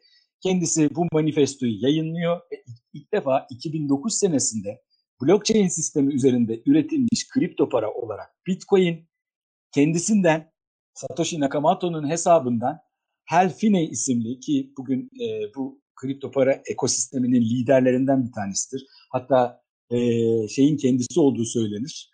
Satoshi Nakamoto'nun sık sık kendisi olduğu da söylenir. Ondan sonra 10 Bitcoin transfer edilmek suretiyle 2009 senesinde ilk kez Bitcoin transferi gerçekleştiriliyor. Ve Bitcoin ondan sonra yavaş yavaş 2010'lardan 2011'lerden itibaren e, piyasanın gündemine bir dijital transfer parası olarak düşmeye başlıyor ve e, çok da e, revaça e, ilk defa 2016'lardan itibaren çok ciddi bir talep görmeye başlıyor. Satoshi Nakamoto ile alakalı bir e, şey var. E, bir tabii Japon şeyi. e, kelimeyi ikiye ayırıyoruz e, veyahut da içindeki kelimelerle bir kripto oluşturmaya çalışıyoruz biz de. Sato e, Japonya'da en çok e, bizim Yılmaz gibi belki vardır burada Yılmaz soyadlı kişiler. Bizim Yılmaz gibi en çok kullanılan soyadlarından bir tanesi. Koto ise e, Japonya'da en çok kullanılan e, müzik enstrümanı. Yani bizim bağlamamız gibi. Biz bir tarafa Sato'yu bir tarafa Koto'yu ayırıyoruz. Aradaki harfleri düzgün bir şekilde bir araya getirdiğiniz zaman I am Nash kelimesi ortaya çıkıyor. Yani ben Nash'im. Ee, işte John Nash'e belki de bir atıftır John Nash'in oyun teorisi ve transferable utility e, kavramına ilk olarak ayaklarını oraya dayandırdığı için, temellerini oraya dayandırdığı için bir atıftır. Ee, kripto paralar sadece Bitcoin'de kalmıyor tabii. Hemen arkasında Ethereum biraz evvel anlattığım gibi e, özellikle e, şeyin Bitcoin versiyon 2 diye ortaya çıkıyor. Ama esas olarak bizim akıllı sözleşmeler dediğimiz e, kavramın e, içinde kullanılması için, akıllı sözleşmelerle beraber kullanılması için e, yaratılan bir kripto para. E, kendisine ait olmayan, kendisine ait olan özel bir yazılım dili olarak kullanılıyor. E, merkezi olmayan yazılım protokollerinin geliştirilmesine olanak sağlıyor ve Ethereum kendisinden sonra gelen pek çok kripto paraya ve bizim token dediğimiz e, daha kolay üretilebilen kripto paralara. Çünkü kripto paraların üretilmesinde iki şey var. Ben teknolojiyi çok fazla boğmayayım diyerekten işin o kısmını geçtim. İki yöntem var. Biri onay suretiyle, proof of work suretiyle yaratılan kripto paralar. İşte mesela Bitcoin böyle bir kripto para. Blokların onaylanması gerekiyor madenciler tarafından Bitcoin'in ortaya çıkabilmesi için. Yine e, Monero böyle bir kripto para, Litecoin böyle bir kripto para. Ama Ethereum böyle bir kripto para değil. E, Ethereum e, önceden kaç adet üretileceği belli olan bir kripto para değil. Ethereum e, baştan üretilip insanların e, bizim aynı hisse senedinin halka arzı gibi e, e, bizim e, bu ne diyoruz buna e, IPO değil e, ICO dediğimiz e, Initial Coin Offering diye İngilizce tabirinden türettiğimiz insanlara halka arz şeklinde ortaya çıkartılan bir para. Önceden daha doğrusu Ethereum e, önceden kendine ait bir blok zinciri vardı ve madencilikle üretiliyordu. Şimdi o teknolojiyi bıraktı versiyon 2'den itibaren ve de çok ilginçtir, ilginçtir. E, Vitalik Buterin, e, Ethereum'un e, ürettiği baş yaratıcısı yani Satoshi Nakamoto Bitcoin için neyse Vitalik Buterin e, Rus bir e, bir e, kişi e, Ethereum'un her versiyonuna e, bir e, çatallanması diyebileceğimiz Ethereum'un e, değişik versiyonları veyahut da daha ileri versiyonları çıkardığı zaman şu an dördüncü versiyonu ondan sonra Ethereum e, zincirinin her bir versiyonuna bir isim verdi. Ethereum'un bir önceki versiyonunun adı, üçüncü versiyonunun adı Konstantinopolis'ti. Dördüncü versiyonunun adı İstanbul. Ee, adeta Türkiye'ye ve Türklere hayran bir kişidir Vitalik Buterin. Buterin. Ee, yani bu e, kripto parasının kendi ürettiği ve artık dünyanın en büyük ikinci kripto parası olan Ethereum'un e, her bir versiyonuna e, verdiği isimler daima Türkiye'yi veyahut da direkt İstanbul'u çağrıştıran isimlerdir. Böyle bir hayranlığı var kendisinin. Bunu da şey yapayım. Dediğim gibi Ethereum şu an için dünyanın en önemli ikinci kripto parası. E, ondan sonra e, aşağı yukarı 130-140 e, dolarlar civarında bir fiyatı var şu an için. Yine e, Ripple e, işte e, XRP zincirinin, e, blok zincirinin üretmiş olduğu bir e, şey, e, RippleNet şey, e, ödeme ağı. E, RippleNet ile birlikte merkezi olmayan ödeme sistemlerinin blockchain teknolojisini kullanarak daha hızlı işlemler yapmasını sağlamak için e, ortaya çıkarıldı. E, şuradaki lafa dikkat çekmek istiyorum. Ödeme sistemlerinin blok zinciri kullanılarak daha hızlı işlemler yapmasını sağlamak. Hocam e, elveda Swift Allah rahmet eylesin. Ee, iyi bir e, dostumuzdun, iyi bir ödeme sistemiydin. işte ülkeler arasında, firmalar arasında çeşitli para birimlerinin birbirine gidip gelmesi için kullanıyorduk biz seni ama e, rahmet olsun canına e, çok kısa bir zaman süreci içerisinde artık seni hiçbir şekilde kullanmayacağız. Bunda ısrar eden bankacılık tarihe gömülecek. Hala Swift'le buradan transfer yapın bankacılığı tarihe gömülecek. E, çünkü Ripple bankacılık ağları içerisinde özellikle bir yerden bir yere, bir hesaptan bir hesaba transferin gerçekleştirilmesine gerçekleştirilmesini sadece ve sadece 2 saniye gibi bir süreye indirmiş durumda ve ağ gittikçe genişliyor. Bugün dünyanın en büyük 15 veya 20 bankası bu sistemin içindedir. Bizden Akbank yani Türkiye'den Akbank söyleyebilirim bunu rahatlıkla. Şu an için Almanya'daki e, bu, bu, bu slaytı hazırladığımda henüz Almanya'daki AG e, yani Akbank AG Almanya'daki şubesi vasıtasıyla Şimdi e, tebrik etmek isterim ben kendilerine hakikaten. E, yani reklamsa da reklam. Hani özür diliyorum. Ben kullanmıyorum. Ben müşterisi değilim. Ama e, eğer kullanan varsa e, telefon bankacılığı uygulamasını indirdikleri zaman orada görebiliyor olacaklar. Ben bunu gördüm. Ripple'la para gönderebiliyorlar. Bu e, bankacılık sisteminin nereye doğru gideceğiyle alakalı. E, bakın söylüyorum para biriminin Brezilya reali veyahut da Güney Kore wonu olmasının hiçbir önemi yok. Para biriminin ne olduğu, nereden nereye gittiğinin de bir önemi yok. Biz kaç Ripple gönderiyorsak onun değerinde Ripple'ı bir yerden bir yere gönderiyoruz. Bitti. İhracat bedeli ödendi, ithalat bedeli ödendi, Swift masrafı alınmadı. İki gün beklenilmedi. Aman abi işte kaçıyorum, işte mahvoldum çeklerim ne olur falan öyle şeyler kalmadı. Bitti. Bitiyor Aynen. yani daha doğrusu. Aynen. Ersan Hocam beni arıyorlar şu Çin tatile girecekmiş. Çin'den maske siparişi vermişler. Türkiye'ye getirmeye çalışıyorlar. Tatile girecek. İşte ödemeyi yapmamız lazım. Bugün yoksa oraya kalacak. Evet. Misafirlerimiz belki vardır burada arkadaşlarımızdan bir tanesi. Yani bunu çözeriz diye beni arıyorlar. İşte tamam ben gülüyorum hocam. Özür, özür dilerim hocam. Gülüyorum, gülüyorum. Gülüyorum, biliyor musun? Farklı bir dünyaya gidiyoruz bu sayede. Ya benim kafama Şimdi cevap vermek için sormuyorum da gelmişken aklıma sorayım. Hani bu para aklama e, yani yeraltı, karanlık dünyanın para hareketleri açısından bu bir denetim altında bir prosedür müdür diye insanların aklına soru gelebilir. Hocam çok da iyi dedin. Doğruları söyleyelim. Çok hani konuştun.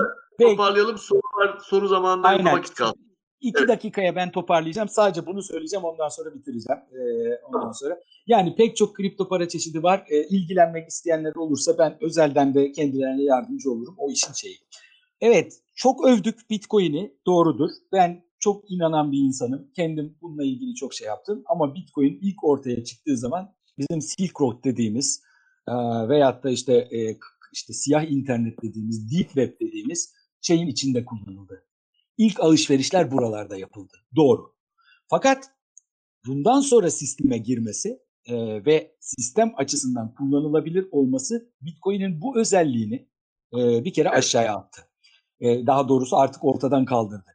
Sadece çok ciddi kriptolanmış, e, sırf bu amaçla kullanılan kripto paralar var. Ama ben bir şey söyleyeceğim. Ha, Bitcoin'in insanlar tarafından en e, belki de zayıf görülen tarafı işte hükümetler bununla alakalı bir hukuksal çerçeve henüz daha geliştirmediler. İnsanlar daha doğrusu hükümetler bununla alakalı bir sosyal şey bir çerçeve geliştirmediler değil. Öncelikle şu var. Hükümetler bununla alakalı bir hukuki çerçeveyi neden geliştirmediler? Daha doğrusu bununla alakalı hukuki çerçeveyi geliştiren hükümetler var mı? Evet var. Mesela Rusya bununla alakalı çünkü öncelikle Bitcoin'in veyahut da kripto paraların ne olduğuyla alakalı bir tanımlama gerekiyor. Bitcoin bir para mıdır? Bitcoin bir emtia mıdır? Bitcoin bir e, sadece transfer aracı mıdır? Yani Bitcoin'i tarif etmeleri, daha doğrusu tanımlamaları lazım. Çünkü para gibi gidip geliyor. Aynı zamanda içinde bir değer taşıyor. Aynı zamanda e, emtia gibi bir maddi varlığı var. Yani fiziki olarak bir yerden bir yere gönderiyoruz. Ama bir değiş tokuş aracı var. E, aynı zamanda bir değiş tokuş aracı. İnsanlar kendi arasında bununla alışveriş yapıyor. İşte ne olarak ne olarak daha doğrusu ne olduğunu tanımlarlarsa bunun hukuki çerçevesini geliştirirler. Bu bir. İkincisi Bakınız kim bununla alakalı hukuki çerçeve geliştiriyor? Ben size söyleyeyim. Başlangıçta Rusya. Arkasından Venezuela. Arkasından e, yeni yeni bu konuyla alakalı hukuki çalışmaya başlamış olan ve bununla alakalı fetva hazırlayan, doğrusunu söyleyeyim ben size fetva da hazırlamaya başlayan e, Dubai, Birleşik Arap Emirlikleri. Arkadan geliyor İran. Merkez Bankası'nda Merkez Bankası rezervine Bitcoin'i ve Ethereum'u Merkez Bankası rezervine almaya hazırlanan Venezuela. Bakın bu ülkelerin neden bunlarla alakalı ne gibi dertleri olduğunu şöyle bir düşünün. Hangi ülkeler bununla alakalı e, kripto parayla alakalı çok önemli yatırımlar yapan e, aynı şekilde sadece Avrupa Birliği üyesi olduğu için Avrupa Birliği'nin kararını bekleyen Estonya, Malta, Ceberi Tarık. Yani e, öyle bir e, hukuki... Kolay kolay teslim olur mu yani kısaca? Hocam Amerika bununla alakalı hukuki çalışma yapmıyor. Amerika yapmadığı için dünya yapmıyormuş gibi gözüküyor. Yani ben ben işi şakayla karışık. Ben biliyorum. Altyapı, altyapı üst yapıyı belirler. İlk önce Ah, hocam, e, ol, Kerem, yani- Kerem şey hocam. evet. E, soru hocam, var. Hocam şöyle ben şu an şu andan itibaren ben sadece sorulara cevap vereceğim. Hani e, sunum azıcık karışık olmuş olabilir, çok şey yapmamış olabilir. E, onun için e, vakitle alakalıdır. Sürçülisan ettiysem affola. E, Lütfen herkes sorularını e, hangi şekilde sormak istiyorsa ben hazırım. Elimden geldiği kadar, gücüm yettiği kadar cevap vermeye çalışacağım. Şöyle burada gördüğüm birkaç tane soru var. Onlardan birisiyle başlayalım. En alttan doğru yukarı doğru gideyim sonra yeni sorular da alalım. İthalat bedeli iki günlük bekleme süresi olmuyor mu? diyor. Ripple'ın bir gönderme yapma ihtimali olursa diye. Altta Suzan Hanım sormuş. Ee, İthalat Ripple bedelini gönderme- Ripple eğer karşı taraftaki e, alıcınızın bankasında Ripple kabul ediliyorsa ve bank e, karşıdaki müşterinizin Ripple e, hes- hesabı varsa, Ripple cüzdanı varsa ister banka kanalıyla ister direkt iki gün bekleme falan diye bir şey yok. Ripple'ın geçme süresi 3 saniye. Aynen. Bu kadar. Ripple'ın Yani geçme bu- süresi 3 saniye. İhracatta kullanılmaya başlanan ve Tabii ki yaygınlaşan tabii. bir sistem Bakın olması- ben ben e, ilgisi olan kişiler olursa yani şu an internette e, hani bu- bulamam e, ama direkt hani çok aklıma gelenleri söyleyeyim mesela Banka Santander şey içerisinde e, USB bu grubun içerisinde e, şey UBS USB Evet. UBS bu grubun içerisinde E, Murat hocam merhaba E, ondan sonra. E, UBS bu sistemin içerisinde Amerika Birleşik Devletleri'nden iki banka bu sistemin içerisinde bizden Akbank bu sistemin içerisinde yani Ripple e, özellikle bankalar arasında bu sistemi yayıyor. Anlatabildim mi? Çünkü e- esas önemli olan şey. Ha, Mesut Bey sorunuzu gördüm. Çok e, Amerika IMF üzerinden SDR kozunu kullanmak isteyecektir. Soruyu gördüm. Herkes görmüyorsa diye okuyayım istiyorsanız. IMF üzerinden SDR kozunu kullanarak blockchain sistemini geçirse sekteye uğratabilir mi diye sormuş. E, 15 Mayıs 2019 tarihini bir yere not etsin herkes. 15 Mayıs 2019 tarihinde IMF ve Dünya Bankası kendi arasında e, kullanmak üzere, kendi sisteminde kullanmak üzere Learning Coin diye bir e, coin üretti. Bir blockchain üzerinden, IBM destekli bir blockchain üzerinden Learning Coin diye bir şey üretti. E, bunu şu an kendi içinde kullanıyor. Yani esasında e, yapmak istedikleri şey, daha doğrusu bütün hepsinin yapmak istedikleri şey merkez bankasıların, merkez bankalarının kendi para birimlerini bir kripto paraya dönüştürmeye çalışmaları. Ee, SDR kozunu kullanmaya çalışacaklar ama SDR kozunun e, önemli bir şeyi var. SDR kozu netice itibariyle e, bir e, hepsinin bütün para birimlerinin içinde olduğu bir şeyden bahsediyoruz ve bir kredi sisteminden bahsediyoruz. Bu SDR kozunu şu noktada blockchain'in e, önüne geçmeye çalışacaktır. Bunu e, bir kripto para gibi kullanmaya çalışacaktır. Ancak böyle bir durum var. Bu Bitcoin'in önüne geçmez. Aksine Bitcoin'in hangi derecede doğru veyahut da haklı olduğunu gerçekleştirir. Çünkü netice itibariyle yapmaya çalıştıkları şey IMF üzerinde de olsa, Dünya Bankası üzerinde de olsa insanları veyahut da neticede ödemeleri sistem içinde tutmaya çalışmak. Üstüne üstelik IMF SDR kozunu bedavaya vermeyecek hiç kimseye.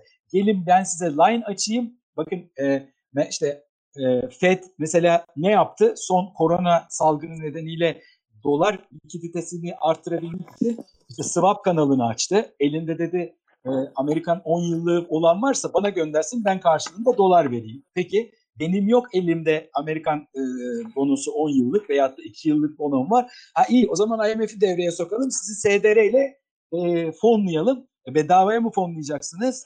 Hayır bedavaya fonlamayacaksınız. Benim ihtiyacım belki 3 milyar dolar belki 5 milyar dolar. Dünyada şu an korona salgını aşağı yukarı 32 ülkede, 33 ülkede çok ciddi bir şekilde e, yaygın bir vaziyette. Hepsinin IMF üzerinden SDR kullanması demek dünya e, ekonomik sisteminin tekrardan aynı sarmalın içine girmesi demek. Yani yapılmaya çalışılan şey Amerika e, SDR'yi bedavaya vermiyor netice itibariyle. Kendi yay, kendi basmış olduğu sınırsız parayı dünyaya bir şekilde yaymaya çalışacak. O yüzden önüne geçmeye değil, e, sekteye uğratmaya değil, aksine e, belki bir miktar e, ortalığı şey yapabilir, tampon görevi görebilir fakat hiçbir şekilde e, blockchain sisteminin önüne geçebilmek, daha doğrusu evet. kripto paranın önüne geçebilme imkanları yok. Ancak Ersan, kendileri... Ersan Hocam sözünü kestim. Bir soru daha var bağlantılı Eser, Eser Bey'in. Kripto para sistemi, Keynesyen sistemi olan Bilmiyorum. devlet hikayesini değiştirip Smith'in görünmez el politika dönüştürüyor diye bir ya da X'in ortak sistemi diye bir soru var. Bağlantılı olabilir diye bir miktar e, müdahil oldum. Evet, e, çok güzel e, soru. Hakan Bey'in bir sorusu var. Birkaç tane soruyu birleştireyim. Tabii. Hani birlikte cevaplayın yeni sorular gelmeden önce. Bir takım güç odakları blockchain tabanlı sistemlerin yaygınlaşmasının önünde bir engel midir? Korona ile şekillenen yeni dünya düzeni içerisinde blockchain kullanımı e, hızlanacak mıdır? Ne düşünüyorsunuz diye sormuş. Ee, şöyle. Ee, sistemin ne yararlı ne gibi zararlı yönleri olabilir diye e, bir durum var. Bir de Burak Bey'in var. Da ama Burak Bey yazmadı. Belki katılarak e, şey yapabilir. Hala unutmasın diye hatırlatmak için söyledim Burak Bey'e. Evet. Devam edin. Belki Burak Bey sorar ya da yazar. Ee, sesli katılmak istiyormuş. Evet Burak Bey sorun isterseniz. Adil Bey müsait mi? E, sorması mümkün mü Burak Bey? Çok güzel. Hocam beklediğim soru geldi. Alt tarafa. Evet. Altın ile düşünceler nelerdir diyor. Tamam. Hocam, Hocam. E, şöyle söyleyeyim. E, Bir dakika, Burak, Burak, Bey, Burak Bey buyurun sorun. Burak Bey buyurun. Merhaba, teşekkür ederim öncelikle. Merhabalar efendim. Ağzınıza sağlık. Çok güzel bir sunum oldu. Ee, benim iki, iki, iki sorum var. Şimdi biri Ripple'la ilgili. Kolay olandan başlayayım. Tamam. Ee, şimdi Swift'te e, aracı banka var, intermediate banka. Bunlara e, her şekilde bir şekilde bir e, komisyon gibi bir şey ödeniyor. Tabii Ripple olunca artık ödenmeyecek. Bunu anlıyorum buradan. Doğru mudur? Tam da üstüne bastınız. Tam üstüne bastınız. Peki e, ikinci soruma geçeyim hemen. Şimdi block, blockchain'de e, yani adı üstünde chain var. Birkaç tane evet. halkası var ve e, datalarımız e, bu halkalara tek tek e, noktalara tek tek kaydediliyor ve bir yerde bir değişiklik yapıldığı zaman diğerlerinde yapılamıyor diye konuştuk. Evet. Daha doğrusu ee, birinde bir değişiklik yapabilmeniz için kendisinden önceki hepsinin aynı şekilde değiştirilmesi lazım. E, evet, tabii bu noktayı açıklarken de e, Serhat Hocam da bahsetti mesela. Hep e, e, şeyden konuştuk, e, nasıl söyleyeyim, e, çok da e, karamsar olaylardan konuştuk. Yani sahtekarlıklardan konuştuk. İşte o, evet. özellikle.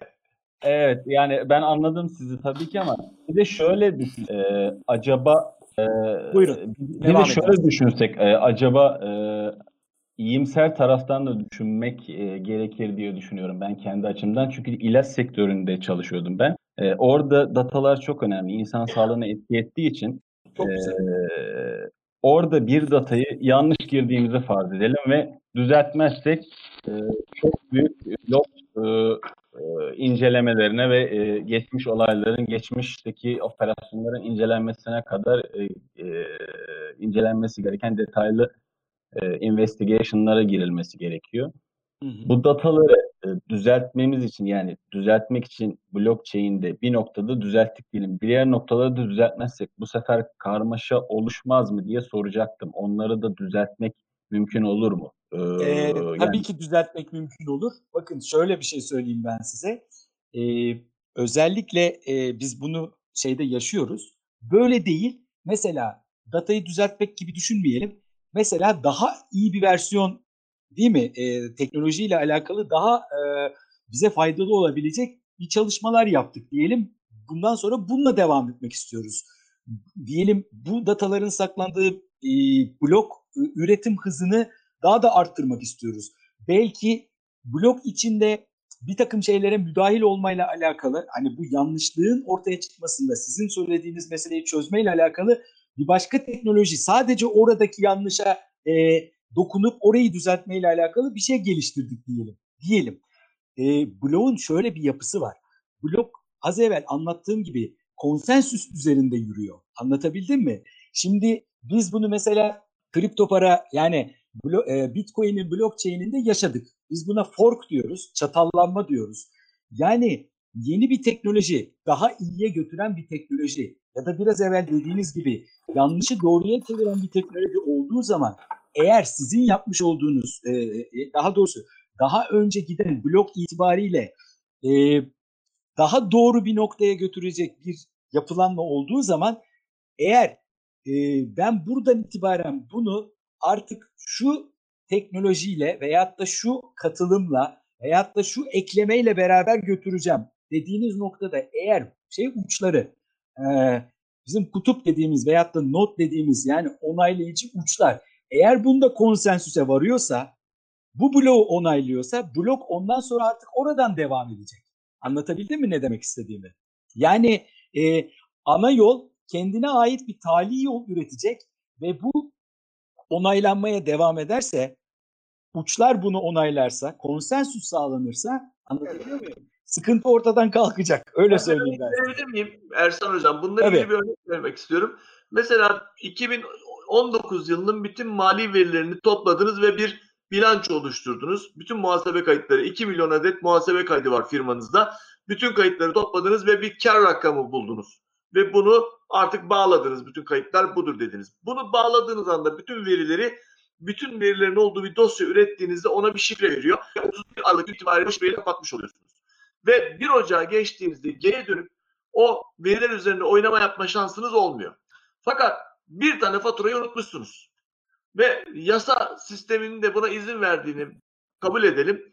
Geri ediyorsunuz. O sistemden onu düzeltiyorsunuz, ekliyorsunuz ve yeni bir şifre veriyor ve neyi düzelttiğiniz bilgisi de içinde oluyor. Böylece eskisiyle yenisi arasındaki farkı da görüp ve o düzelttiğiniz bilgiyi de görerek blok üzerine devam eden bir sistemi var. Tabi bu yasal olarak var yok diye girmiyorum. Mantığını anlatmak için bu örneği verdim. Bu sayede bilgi birikimi bir yerden bir yere devam ediyor. Güzel örnek oldu mu bilemiyorum Ersan Hocam ama. E, tam da burada soru sormak isterim aslında. Mesela e, güncelleme yapıldı dediniz e, ve e, yeni bir e, data oluşturuldu. Eskisi artık kullanılmayacak. Eskisinin kullanılmayacağını diğer tüm kullanıcılar bilecek mi bu durum? Aynen görüyorlar zaten. Kendileri onay veriyorlar. Tamam bundan sonra blok buradan devam ediyor diyerekten. Atıyorum 23.916. bloktan itibaren e, çatallandık. 23.917. blok gibi düşün yani 23.917. blok başka bir teknolojiyle gidiyor. Daha yeni bir teknolojiyle, daha hızlı veya işte daha kolay işte içine ekleme yapıldığı zaman şunu yapacak, bunu yani anlatabiliyor muyum? Bu üretiliyor zaten. Yani teknolojik olarak yenilik geldikçe, hassasiyetler e, geldikçe artık bundan sonra 917'nin 916'ya göre ama 917. blokta 916. bloğun bilgisi var. Önemli olan o. Teknolojik olarak şey yapmıyor. E, teknolojik olarak ya da versiyon olarak yeni bir versiyon atmış oluyoruz. E, herkes de bunu onayladığı için herkes biliyor. Şeffaf evet, dedim ya. Bir soru daha var burada. Ee, böyle bir sisteme diyor geçersek altta Mehmet Bey sormuş. Evet. Ee, kapalı ekonomiler nasıl suç olur? Bankaların hegemonik olur mu diyor. Hocam Altınla çok güzel, ilgili soruyu Hocam çok güzel iki soru vardı. Ben e, ben kapalı ekonomiden e, başlayayım. Ondan sonra yukarıda e, Smith'in görünmez eline bir geçeceğim. Ondan evet. sonra e, şimdi e, şöyle söyleyeyim. Önce oradan başlayayım. Eser Bey'in sorusundan başlayayım. Sevgili Eser Bey'in sorusundan başlayayım. Aa, kripto sistemi Keynesyen sistemi olan devlet müdahalesini değiştirip Smith'in görünmez el politikasına dönüştürüyor olabilir mi dedik. E, şöyle söyleyeyim. E, ikisinin ikisinin ortak sistemi de değil. İkisinin de karşılıklı olarak reddiyeler getiren bir sistem. Birincisi şöyle. E, burada sistem yani Smith'in sisteminde, Adam Smith'in sisteminde piyasanın görünmez eli vardı. Tamam RF'den falan bahsediyor. Eyvallah. Eğer mesele kripto paraların e, fiyatının inip kalkması işte tamam bu e, işte e, arzla talebe göre evet piyasa bunu şey yapar. Ama e, bahsedim bahsetmiş olduğumuz mesele devletlerin e, hani olaya müdahalesi veyahut da devlet neticede şunu anlatmaya çalışıyorum. E, öyle veya böyle devletlerin, merkez bankalarının, otoritenin, hegemonyanın adına ne derseniz deyin bugün bildiğimiz paradigmanın, para paradigmasının, iktisat paradigmasının açık söylemek gerekirse artık miadının dolduğunu anlatıyor. Bakın bir tek şey söyleyeceğim. İkimiz kendi aramızda bir bir bir şey üzerinde anlaştık. Bir mal alışverişi yapıyoruz değil mi? Güzel güzel çok güzel bir arabanız var. Ben de aynı arabayı istiyorum. Ne kadar fiyatı? Bu kadar fiyatı. Tamam bitti. Ben size alacağım. Ben bu parayla alakalı neden acaba neden birilerine daha bilgi vermek? Neden acaba bu transferi yaparken illa şu bankadan işte şu kadar miktarı e, mutlaka kayıt altında göndermen gerekiyor falan filan. Neden bunları yapmak durumundayım? Bunu neden acaba sizle biz sadece kendi aramızda yapamıyoruz?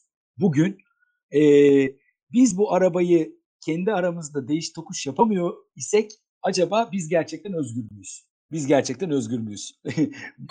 bunu düşünmek lazım bana göre. Ee, umarım cevaplayabilmişimdir diye evet. söyleyeyim. Mehmet Bey de cevap oldu biraz ama kapalı ekonomiyle bağlantısı. Ee, şöyle bu ülkeler... Alpay değer... Bey, Alpay, Mehmet Bey'in sorusu var, Alpay Bey'in sorusu var. Bir de Taha Bey'in e, bir arkadaşımız lojistik öğrencisi. Ee, şöyle, evet. önce Mehmet Bey'in sorusuna cevap vereyim. Ee, sistem Altın bankaların kontrolünde... Altın kısmı da var.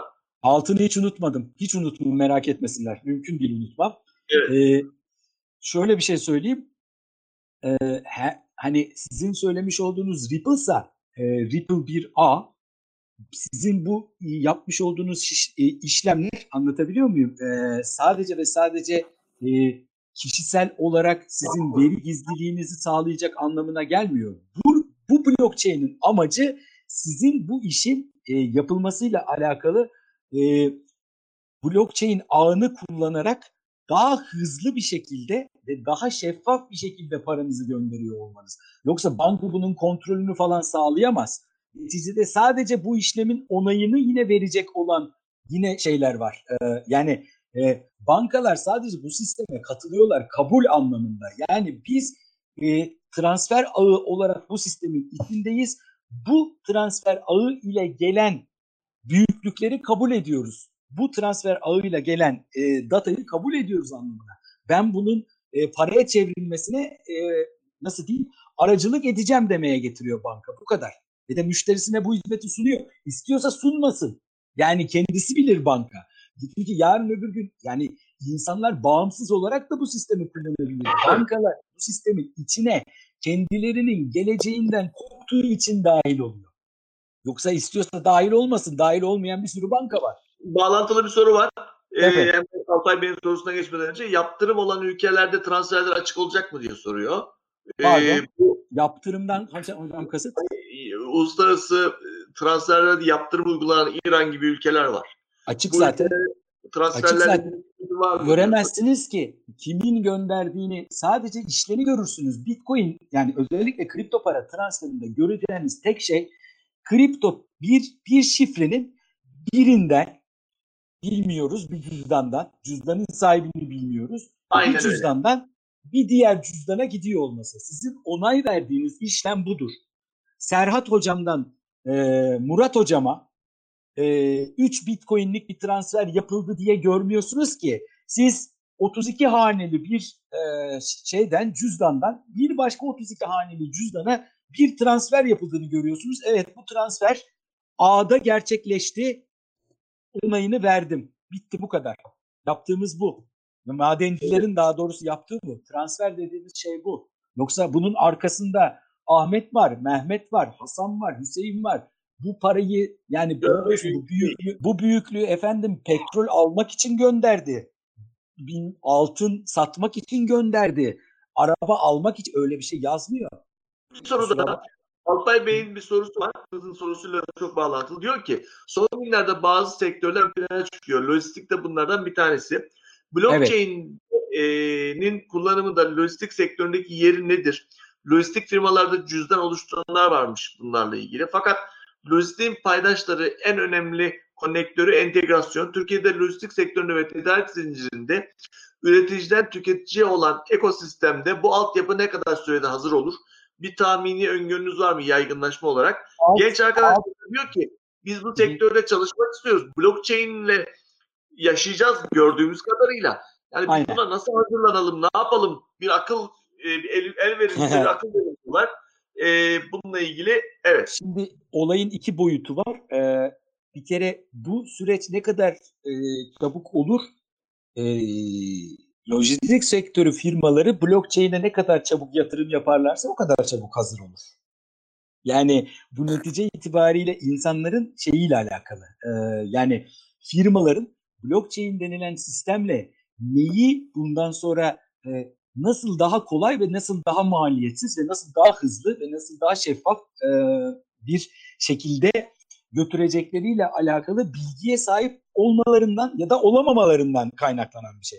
Buna sahip olan, bununla alakalı araştırma yapan, teknokentlerde bununla alakalı yazılım firmalarıyla paydaşlık yapan, startuplar kuran e, veyahut da ne bileyim e, bu tarz çalışmaları ön plana alan firmalar tabii doğal olarak buna yaz, yatırım yapacaklardır.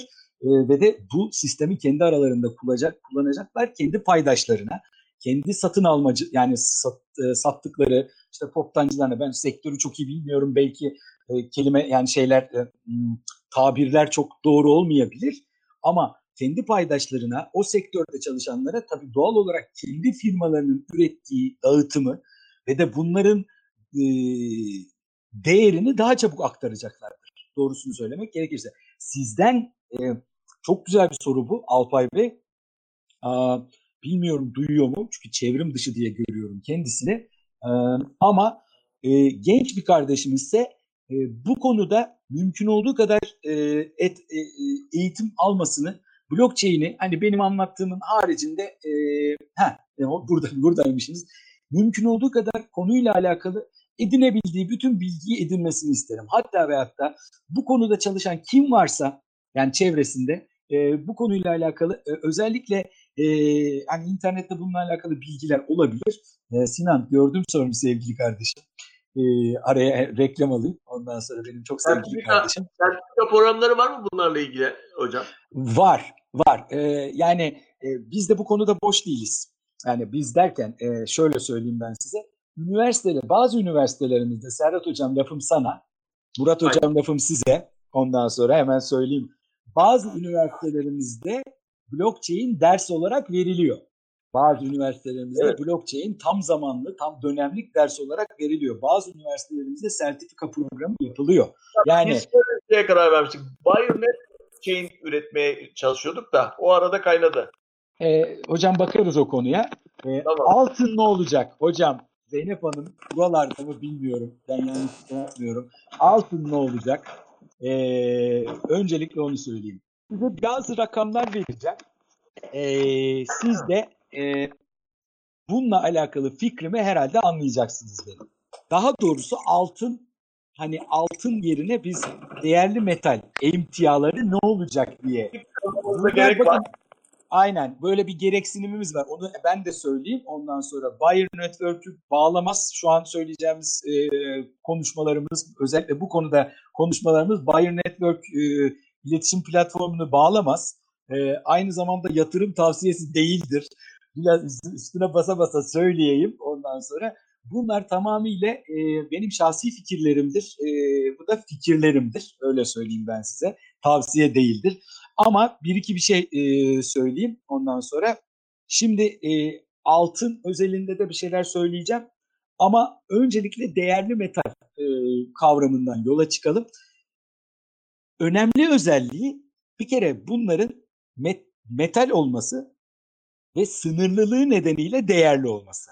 Yani üretiminin bir sınırı var ve bu sınır doğal olduğu için e, bir bir limiti var. Yani doğada ne kadar altın olduğunu işte rezervi şu kadarmış. Gökten asteroidlerden altın üretir tamam yani olabilir. Teknolojidir. Bir gün olabilir ama dünyada şu an bir altın rezervi var ve sınırlı. Değerinin bu kadar yüksek olmasının da nedeni o. Bakınız JP Morgan Yatırım Bankası geçtiğimiz iki sene içerisinde 154 milyon ons 154 milyon ons gümüş kontratı tutuyor elinde. Fiziki de dahil olmak üzere 154 milyon ons gümüş kontratı var elinde. Fiziki de dahil. Fiziki de yani fiziki olarak gümüş de var. Kontrat da var elinde. Bu bir yatırım bankasının eli, yani rekor sayıdan bahsediyor. Rekor bir miktardan bahsediyor. Çok. Ee, bir şey daha söyleyeyim size. Yaklaşık 4 senedir Rusya, İran, Türkiye ee, dünyanın yaklaşık 4 senedir net altın rezerv, daha doğrusu altın alıcısı. Altın alıcısı. 2016 senesinde 600 ton Türkiye 600 ton rezervine altın almış. 600 ton. Türkiye'de halkın elinde halkın elinde aşağı yukarı bir rakam bu da kesin olarak 3500 ton altın olduğu düşünülüyor. 3500 ton.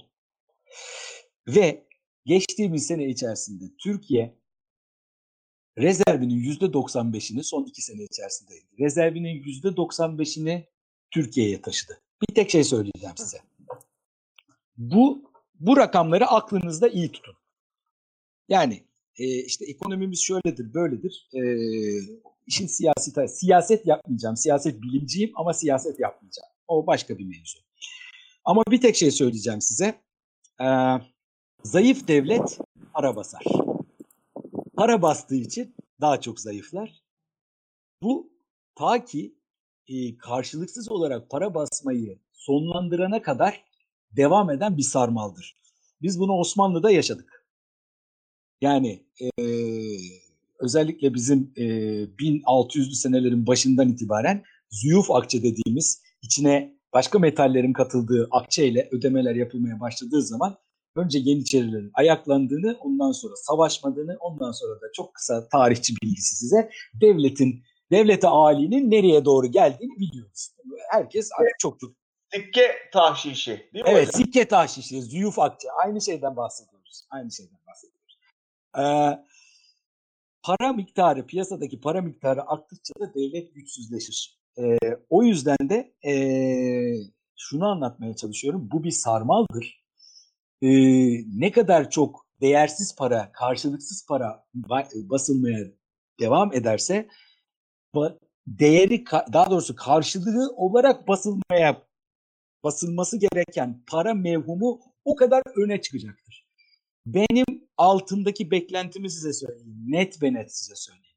Şu görmüş olduğunuz 1715 dolarlar var ya hani şu şu aşağı yukarı işte iki ay önce veya üç ay önce 1400 Sinan oralardaysan yaz bana ne kadar önce olduğunu 1450 dolarlardan e, 1450 dolarlardan aa, bir çırpıda daha doğrusu 3 sene önce 1100 dolarlardan buralara doğru geldi. Ondan sonra e, şu an 1700 bu 1700 dolarlar henüz yolun başı. Henüz yolun başı. Bir fiyat vermeyeceğim ama yolun başı. Çünkü Ben istiyorum müsaade edersen. tabii Kurtuluş sırasında Yunan devleti e, o günkü yapısı hükümeti çok klasik bir örnektir. Türkiye'de bizim topraklarımızı ma- maalesef işgal etti. işgal etti. Fakat paraları da bitti. Para yok. Bu sefer bir karar çıkarttı Yunan hükümeti. Dedi ki elinizdeki parayı ortadan kesin. Elinizde 100 lira var. Ben hareketi yapayım hocam. 100 lira oldu dedi. Tabii bakkal da şöyle yaptı klasik bir bakkal. Bir kilo şeker 100 liraysa 100 Yunan parasıysa ikiye böldü ya. "Ha, Ben dedi bunu 200 lira yaparım dedi. Pat dedi şeker fiyatı 200 liraya çıktı. Baktık 200 liraya çıktı kimse dursuz demiyor. 300 de yaparım ben dedi bunu. Enflasyon bir patladı. Eldeki para pul oldu. Yani para Hocam, bastı ekonomiye. sattığı para başka Evet. bir şey tetikleri. Çok müdahil oldum ama. Biraz evvel hayır hocam çok da teşekkür ederim. 1215 senesinde Kubilay Han'ın Çin'i ilk defa kağıt parayı kullandı. Ondan sonra tarih yazıyor ne olduğunu. İşte yani hani bunlar tarih bunların örnekleriyle dolu. Ee, Sinan bana tabii yardımcı oluyor. Benim e, yardımcım Sinan. Ee, benim beraber çalışma arkadaşım şu an aramızda. Ondan sonra e, 1280'de 2019'da 1280'den başlamış yükselişe. Mart 2020'de 1700'den 1480'e tekrar inmiş. Mart 2009'da şey 2020 yani bir, bir buçuk ay evvelden bahsediyorum. 1480'e inmişiz şu an 1700'deyiz anlatabildim mi? Yani e, daha o konuda yolun başı olduğunu söylüyorum. He, altında yolun başı ya bir şey daha söyleyeyim ne olur lütfen beni mazur görün. Yani sen de aman iyi ki bir bitcoin Ee, bitcoin'de de yolun başı. Bitcoin'de de yolun başı. Henüz yolun başı. Yani çok farklı rakamlarda görebilirsiniz. Yakın bir Evet, gelecekte. Yak- yakın bir gelecekte. Seni çok yorduk. Ee, böyle şeyler var. Sorular Hocam var ama. sorular var. Ben istiyorlarsa cevap verebilirim. Evet son bir soru daha cevaplayalım. Murat Hocam patron sensin. Ben hani devam ediyorum ama. Benim e, sevgili bir kardeşim var. Ee, Serhat Evet. Hocam mümkünse e, Murat Han benim e, yüksek lisanstan sınıf arkadaşım. Evet. Ee, onun bir sorusu var. Ben e, onu pas geçmek istemem. Ee, sevgili Muratçım, değerli kardeşim benim. Ee, son gelişmelerin ışığında COVID-19 e, Trump Federal Bank arasındaki ilişkileri yorumlar mısınız? Yorumlayayım. Ee, Federal Bank yani Fed e, ile Trump arasında COVID-19 e, çıkmadan evvel de ciddi bir problem vardı. Ha, bugün yaşadığımız finansal kriz, daha doğrusu bundan iki ay sonra yaşayacağımız, daha da fazla yaşayacağımız finansal kriz esasında Covid nedeniyle çıkmadı. Ben birinci iddiayla bunu söylüyorum. Covid bunun katalizörü olur olsa olsa. Ama bunun nedeniyle çıkmadı. Ee, eğer merak edenler varsa e, total market cap dediğimiz yani bizim e, Amerikan e, hisse senetlerinin toplam değerinin Amerikan milli geliri GDP'ye oranına şöyle bir baksınlar. Şu ana kadar bizim çok yakında bildiğimiz 3 tane balonumuz vardı. Biri 2000'lerdeki tech bubble dediğimiz teknoloji balonu. İkincisi 2008'de yaşadığımız housing balonu. Bir de 2020 ile başlayacağımız şey, e, yaşayacağımız e, daha büyük balon. Buna everything balonu diyorlar. Ondan sonra e, bu iki değer arasındaki oranı şöyle bir bakmalarını isterim. Bu bir endeks. Bu endeks 2000'de 150'ymiş. 2008'de 100'ün üstündeymiş. 2020'de 160, 2019'un hemen sonunda 160'a çıkmış bu endeks. Yani bir balonun oluştuğu ve bir krizin geleceği Covid'le alakalı değil. Ha, Covid öncesinde Trump'la Merkez Bankası Fed arasında ciddi problem vardı. İsmini şu an hatırlayamıyorum ama bir bayan var. Bir bayan var. Ee, bunu şeyden araştırabilirsiniz, Google'dan araştırabilirsiniz. Aa, not almıştım ama kendi yazdığım notu da okuyamıyorum. Çok aceleyle yazmışım. Ee, bu bayan Fed'in önümüzdeki dönemlerde tekrardan altına bağlı döviz rezervine geçmesini savunuyor. Doların tekrardan altına bağlanmasını savunuyor. Yani Fed'in şu an kullanmış olduğu karşılıksız para basma sisteminin bitirilmesini tekrardan altın standartına dönmeyi hatta ve hatta Çin'in yaptığı gibi Çin'in Çin'in bir petro yuanı vardır. Çin'in yaptığı gibi altına bağlı kripto dolar çıkarıt yani bankasında e, Fed'in bundan sonra kripto paraya, doları kripto para olarak üretmesini ve standartında altın bulunmasını aynı Çin'in petro yuanda yaptığı gibi e, şeyin e, artık Amerikan parasının doların böyle bir para olması gerektiğini yoksa Amerikan ekonomisinin çok ciddi bir çöküşe gittiğini ne olursa olsun elinde sonunda büyük çöküşün 2020'de olmazsa bir tık sonrasındaki krizde ama öyle veya böyle çökeceğini söylüyor. Bunu söyleyen bir e, dediğim gibi bir bayan var. E, Trump bu bayanı Fed Merkez Bankası Fed başkanlığına getirmeye çalışıyor. E, gelen haberler bunlar. Doğrusunu söylemek gerekirse. Fed o, yani şey daha doğrusu Covid-19 Allah hepimize sağlık versin inşallah. E, ama dediğim gibi sadece katalizör. Bu kadar Evet. basılan Ersan para Evet. birkaç soru var. Bağlayalım. Son soruları Evet. bile. Son soruları alayım. Kripto para, e, kripto paralar USD bazında ölçülüyor. Erdem Bey'in bir sorusu vardı yukarıda. O yüzden Ha, geldim evet oraya. gördüm. E, bu normal paraların yerini alırsa e, piyasada değerler nasıl olacak? Birden fazla kripto para birbirlerine nasıl takas olacak diyor. Böyle bir soru var. Erdem Bey'in sorusu. Ondan sonra e, bir başka soru e, şeyde var. Aşağıda Murat Han Bey'in sorusunu cevapladık.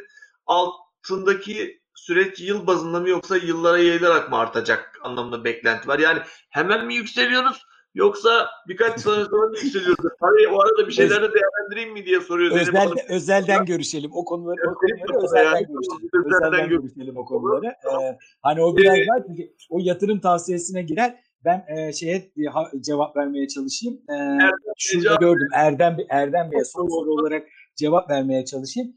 Yani Evet. tabii netice itibariyle kripto para yaygınlığının artış hızı kripto para kullanımının artış hızıyla bağlantılı. Yani ikisi birbirini besliyor. Biz yarın Starbucks'a gidip elimizdeki e, şeyle telefondaki kripto para cüzdanımızın şeyiyle e, e, kare koduyla ondan sonra ödememizi kripto parayla yaparsak e, kripto parayla yapmaya başladığımızda yani e, işte X firma adını söyledim ama her neyse kusura bakmayın alışık değilim ben böyle fazla şeye. E, X firma ödememi şu şu şu kripto paralarla kabul ediyorum. Çünkü bunlar da merak etmeyin çok fazla kripto para var ama yani e, hepsi de çok e, kullanılabilir halde durmayacaktır. Yani bir şeyler elenecek mutlaka. Yani e, net ve net onu söylemek lazım. Ben şu Bilgileriniz yazılı mı slaytlarda sizin iletişim bilgileriniz bu Yok arada? değil En ben aşağıya aşağıya birazdan iletişim bilgilerimi şey yapacağım. Ee, slaytlarda yazalım. Soranlar ben- olabilir. Sözümü kestim. Çok özür dilerim. hayır Ee, hayır. Ee, O bilgi kalmasını e, hani mail adresiniz veya telefon numaranızdan ne uygun görüyorsanız hocam. Ben mail adresimi buraya yazdım. Kendi şahsi mail adresim. Ondan sonra Ee, telefon numaramı da yazabilirim. Sıkıntı duymuyorum. Buradaki e, arkadaşlarımız hepsi değerli arkadaşlar. Zaten e, Ersan Hocam sen yazarken ben de araya girmiş olayım.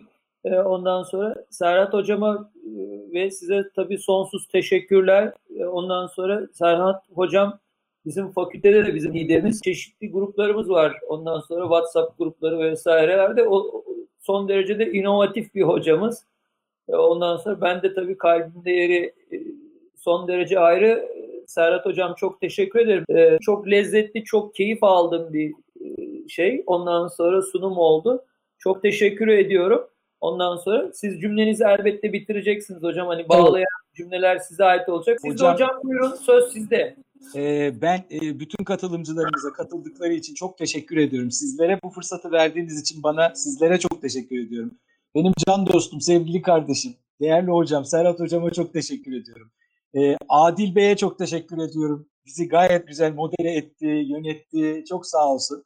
Bütün katılımcılara çok teşekkür ediyorum. Sabırla beni dinlediniz. Ee, ondan sonra e, hakikaten e, yani e, bayağıdır e, en son bir öğrenci kitlesinin e, karşısında bu sunumu yapmıştım. Ama çok daha heyecanlandım. Çok çok teşekkür ederim. Beni dinlediniz. E, sağ olun. Ellerinize sağlık. E, bu arada bana hala alttan benim e, Sinan yardımcım yazıyor. Judy Shelton'mış. Biraz evvel e, Trump'ın. Merkez Bankası Bankası başkanı yapmak istediği kadın kadının adı. Judy Shelton. Ee, ben Ersan hocama değerli kardeşime katkıları için çok teşekkür ediyorum. Vakit ayırdı. Ee, bizi çok keyifli bir sohbetle baş karşıya bıraktı. Ersan hocamıza çok teşekkür ederiz. Ondan sonra değerli katkıları için. Ses biraz eko yapıyor.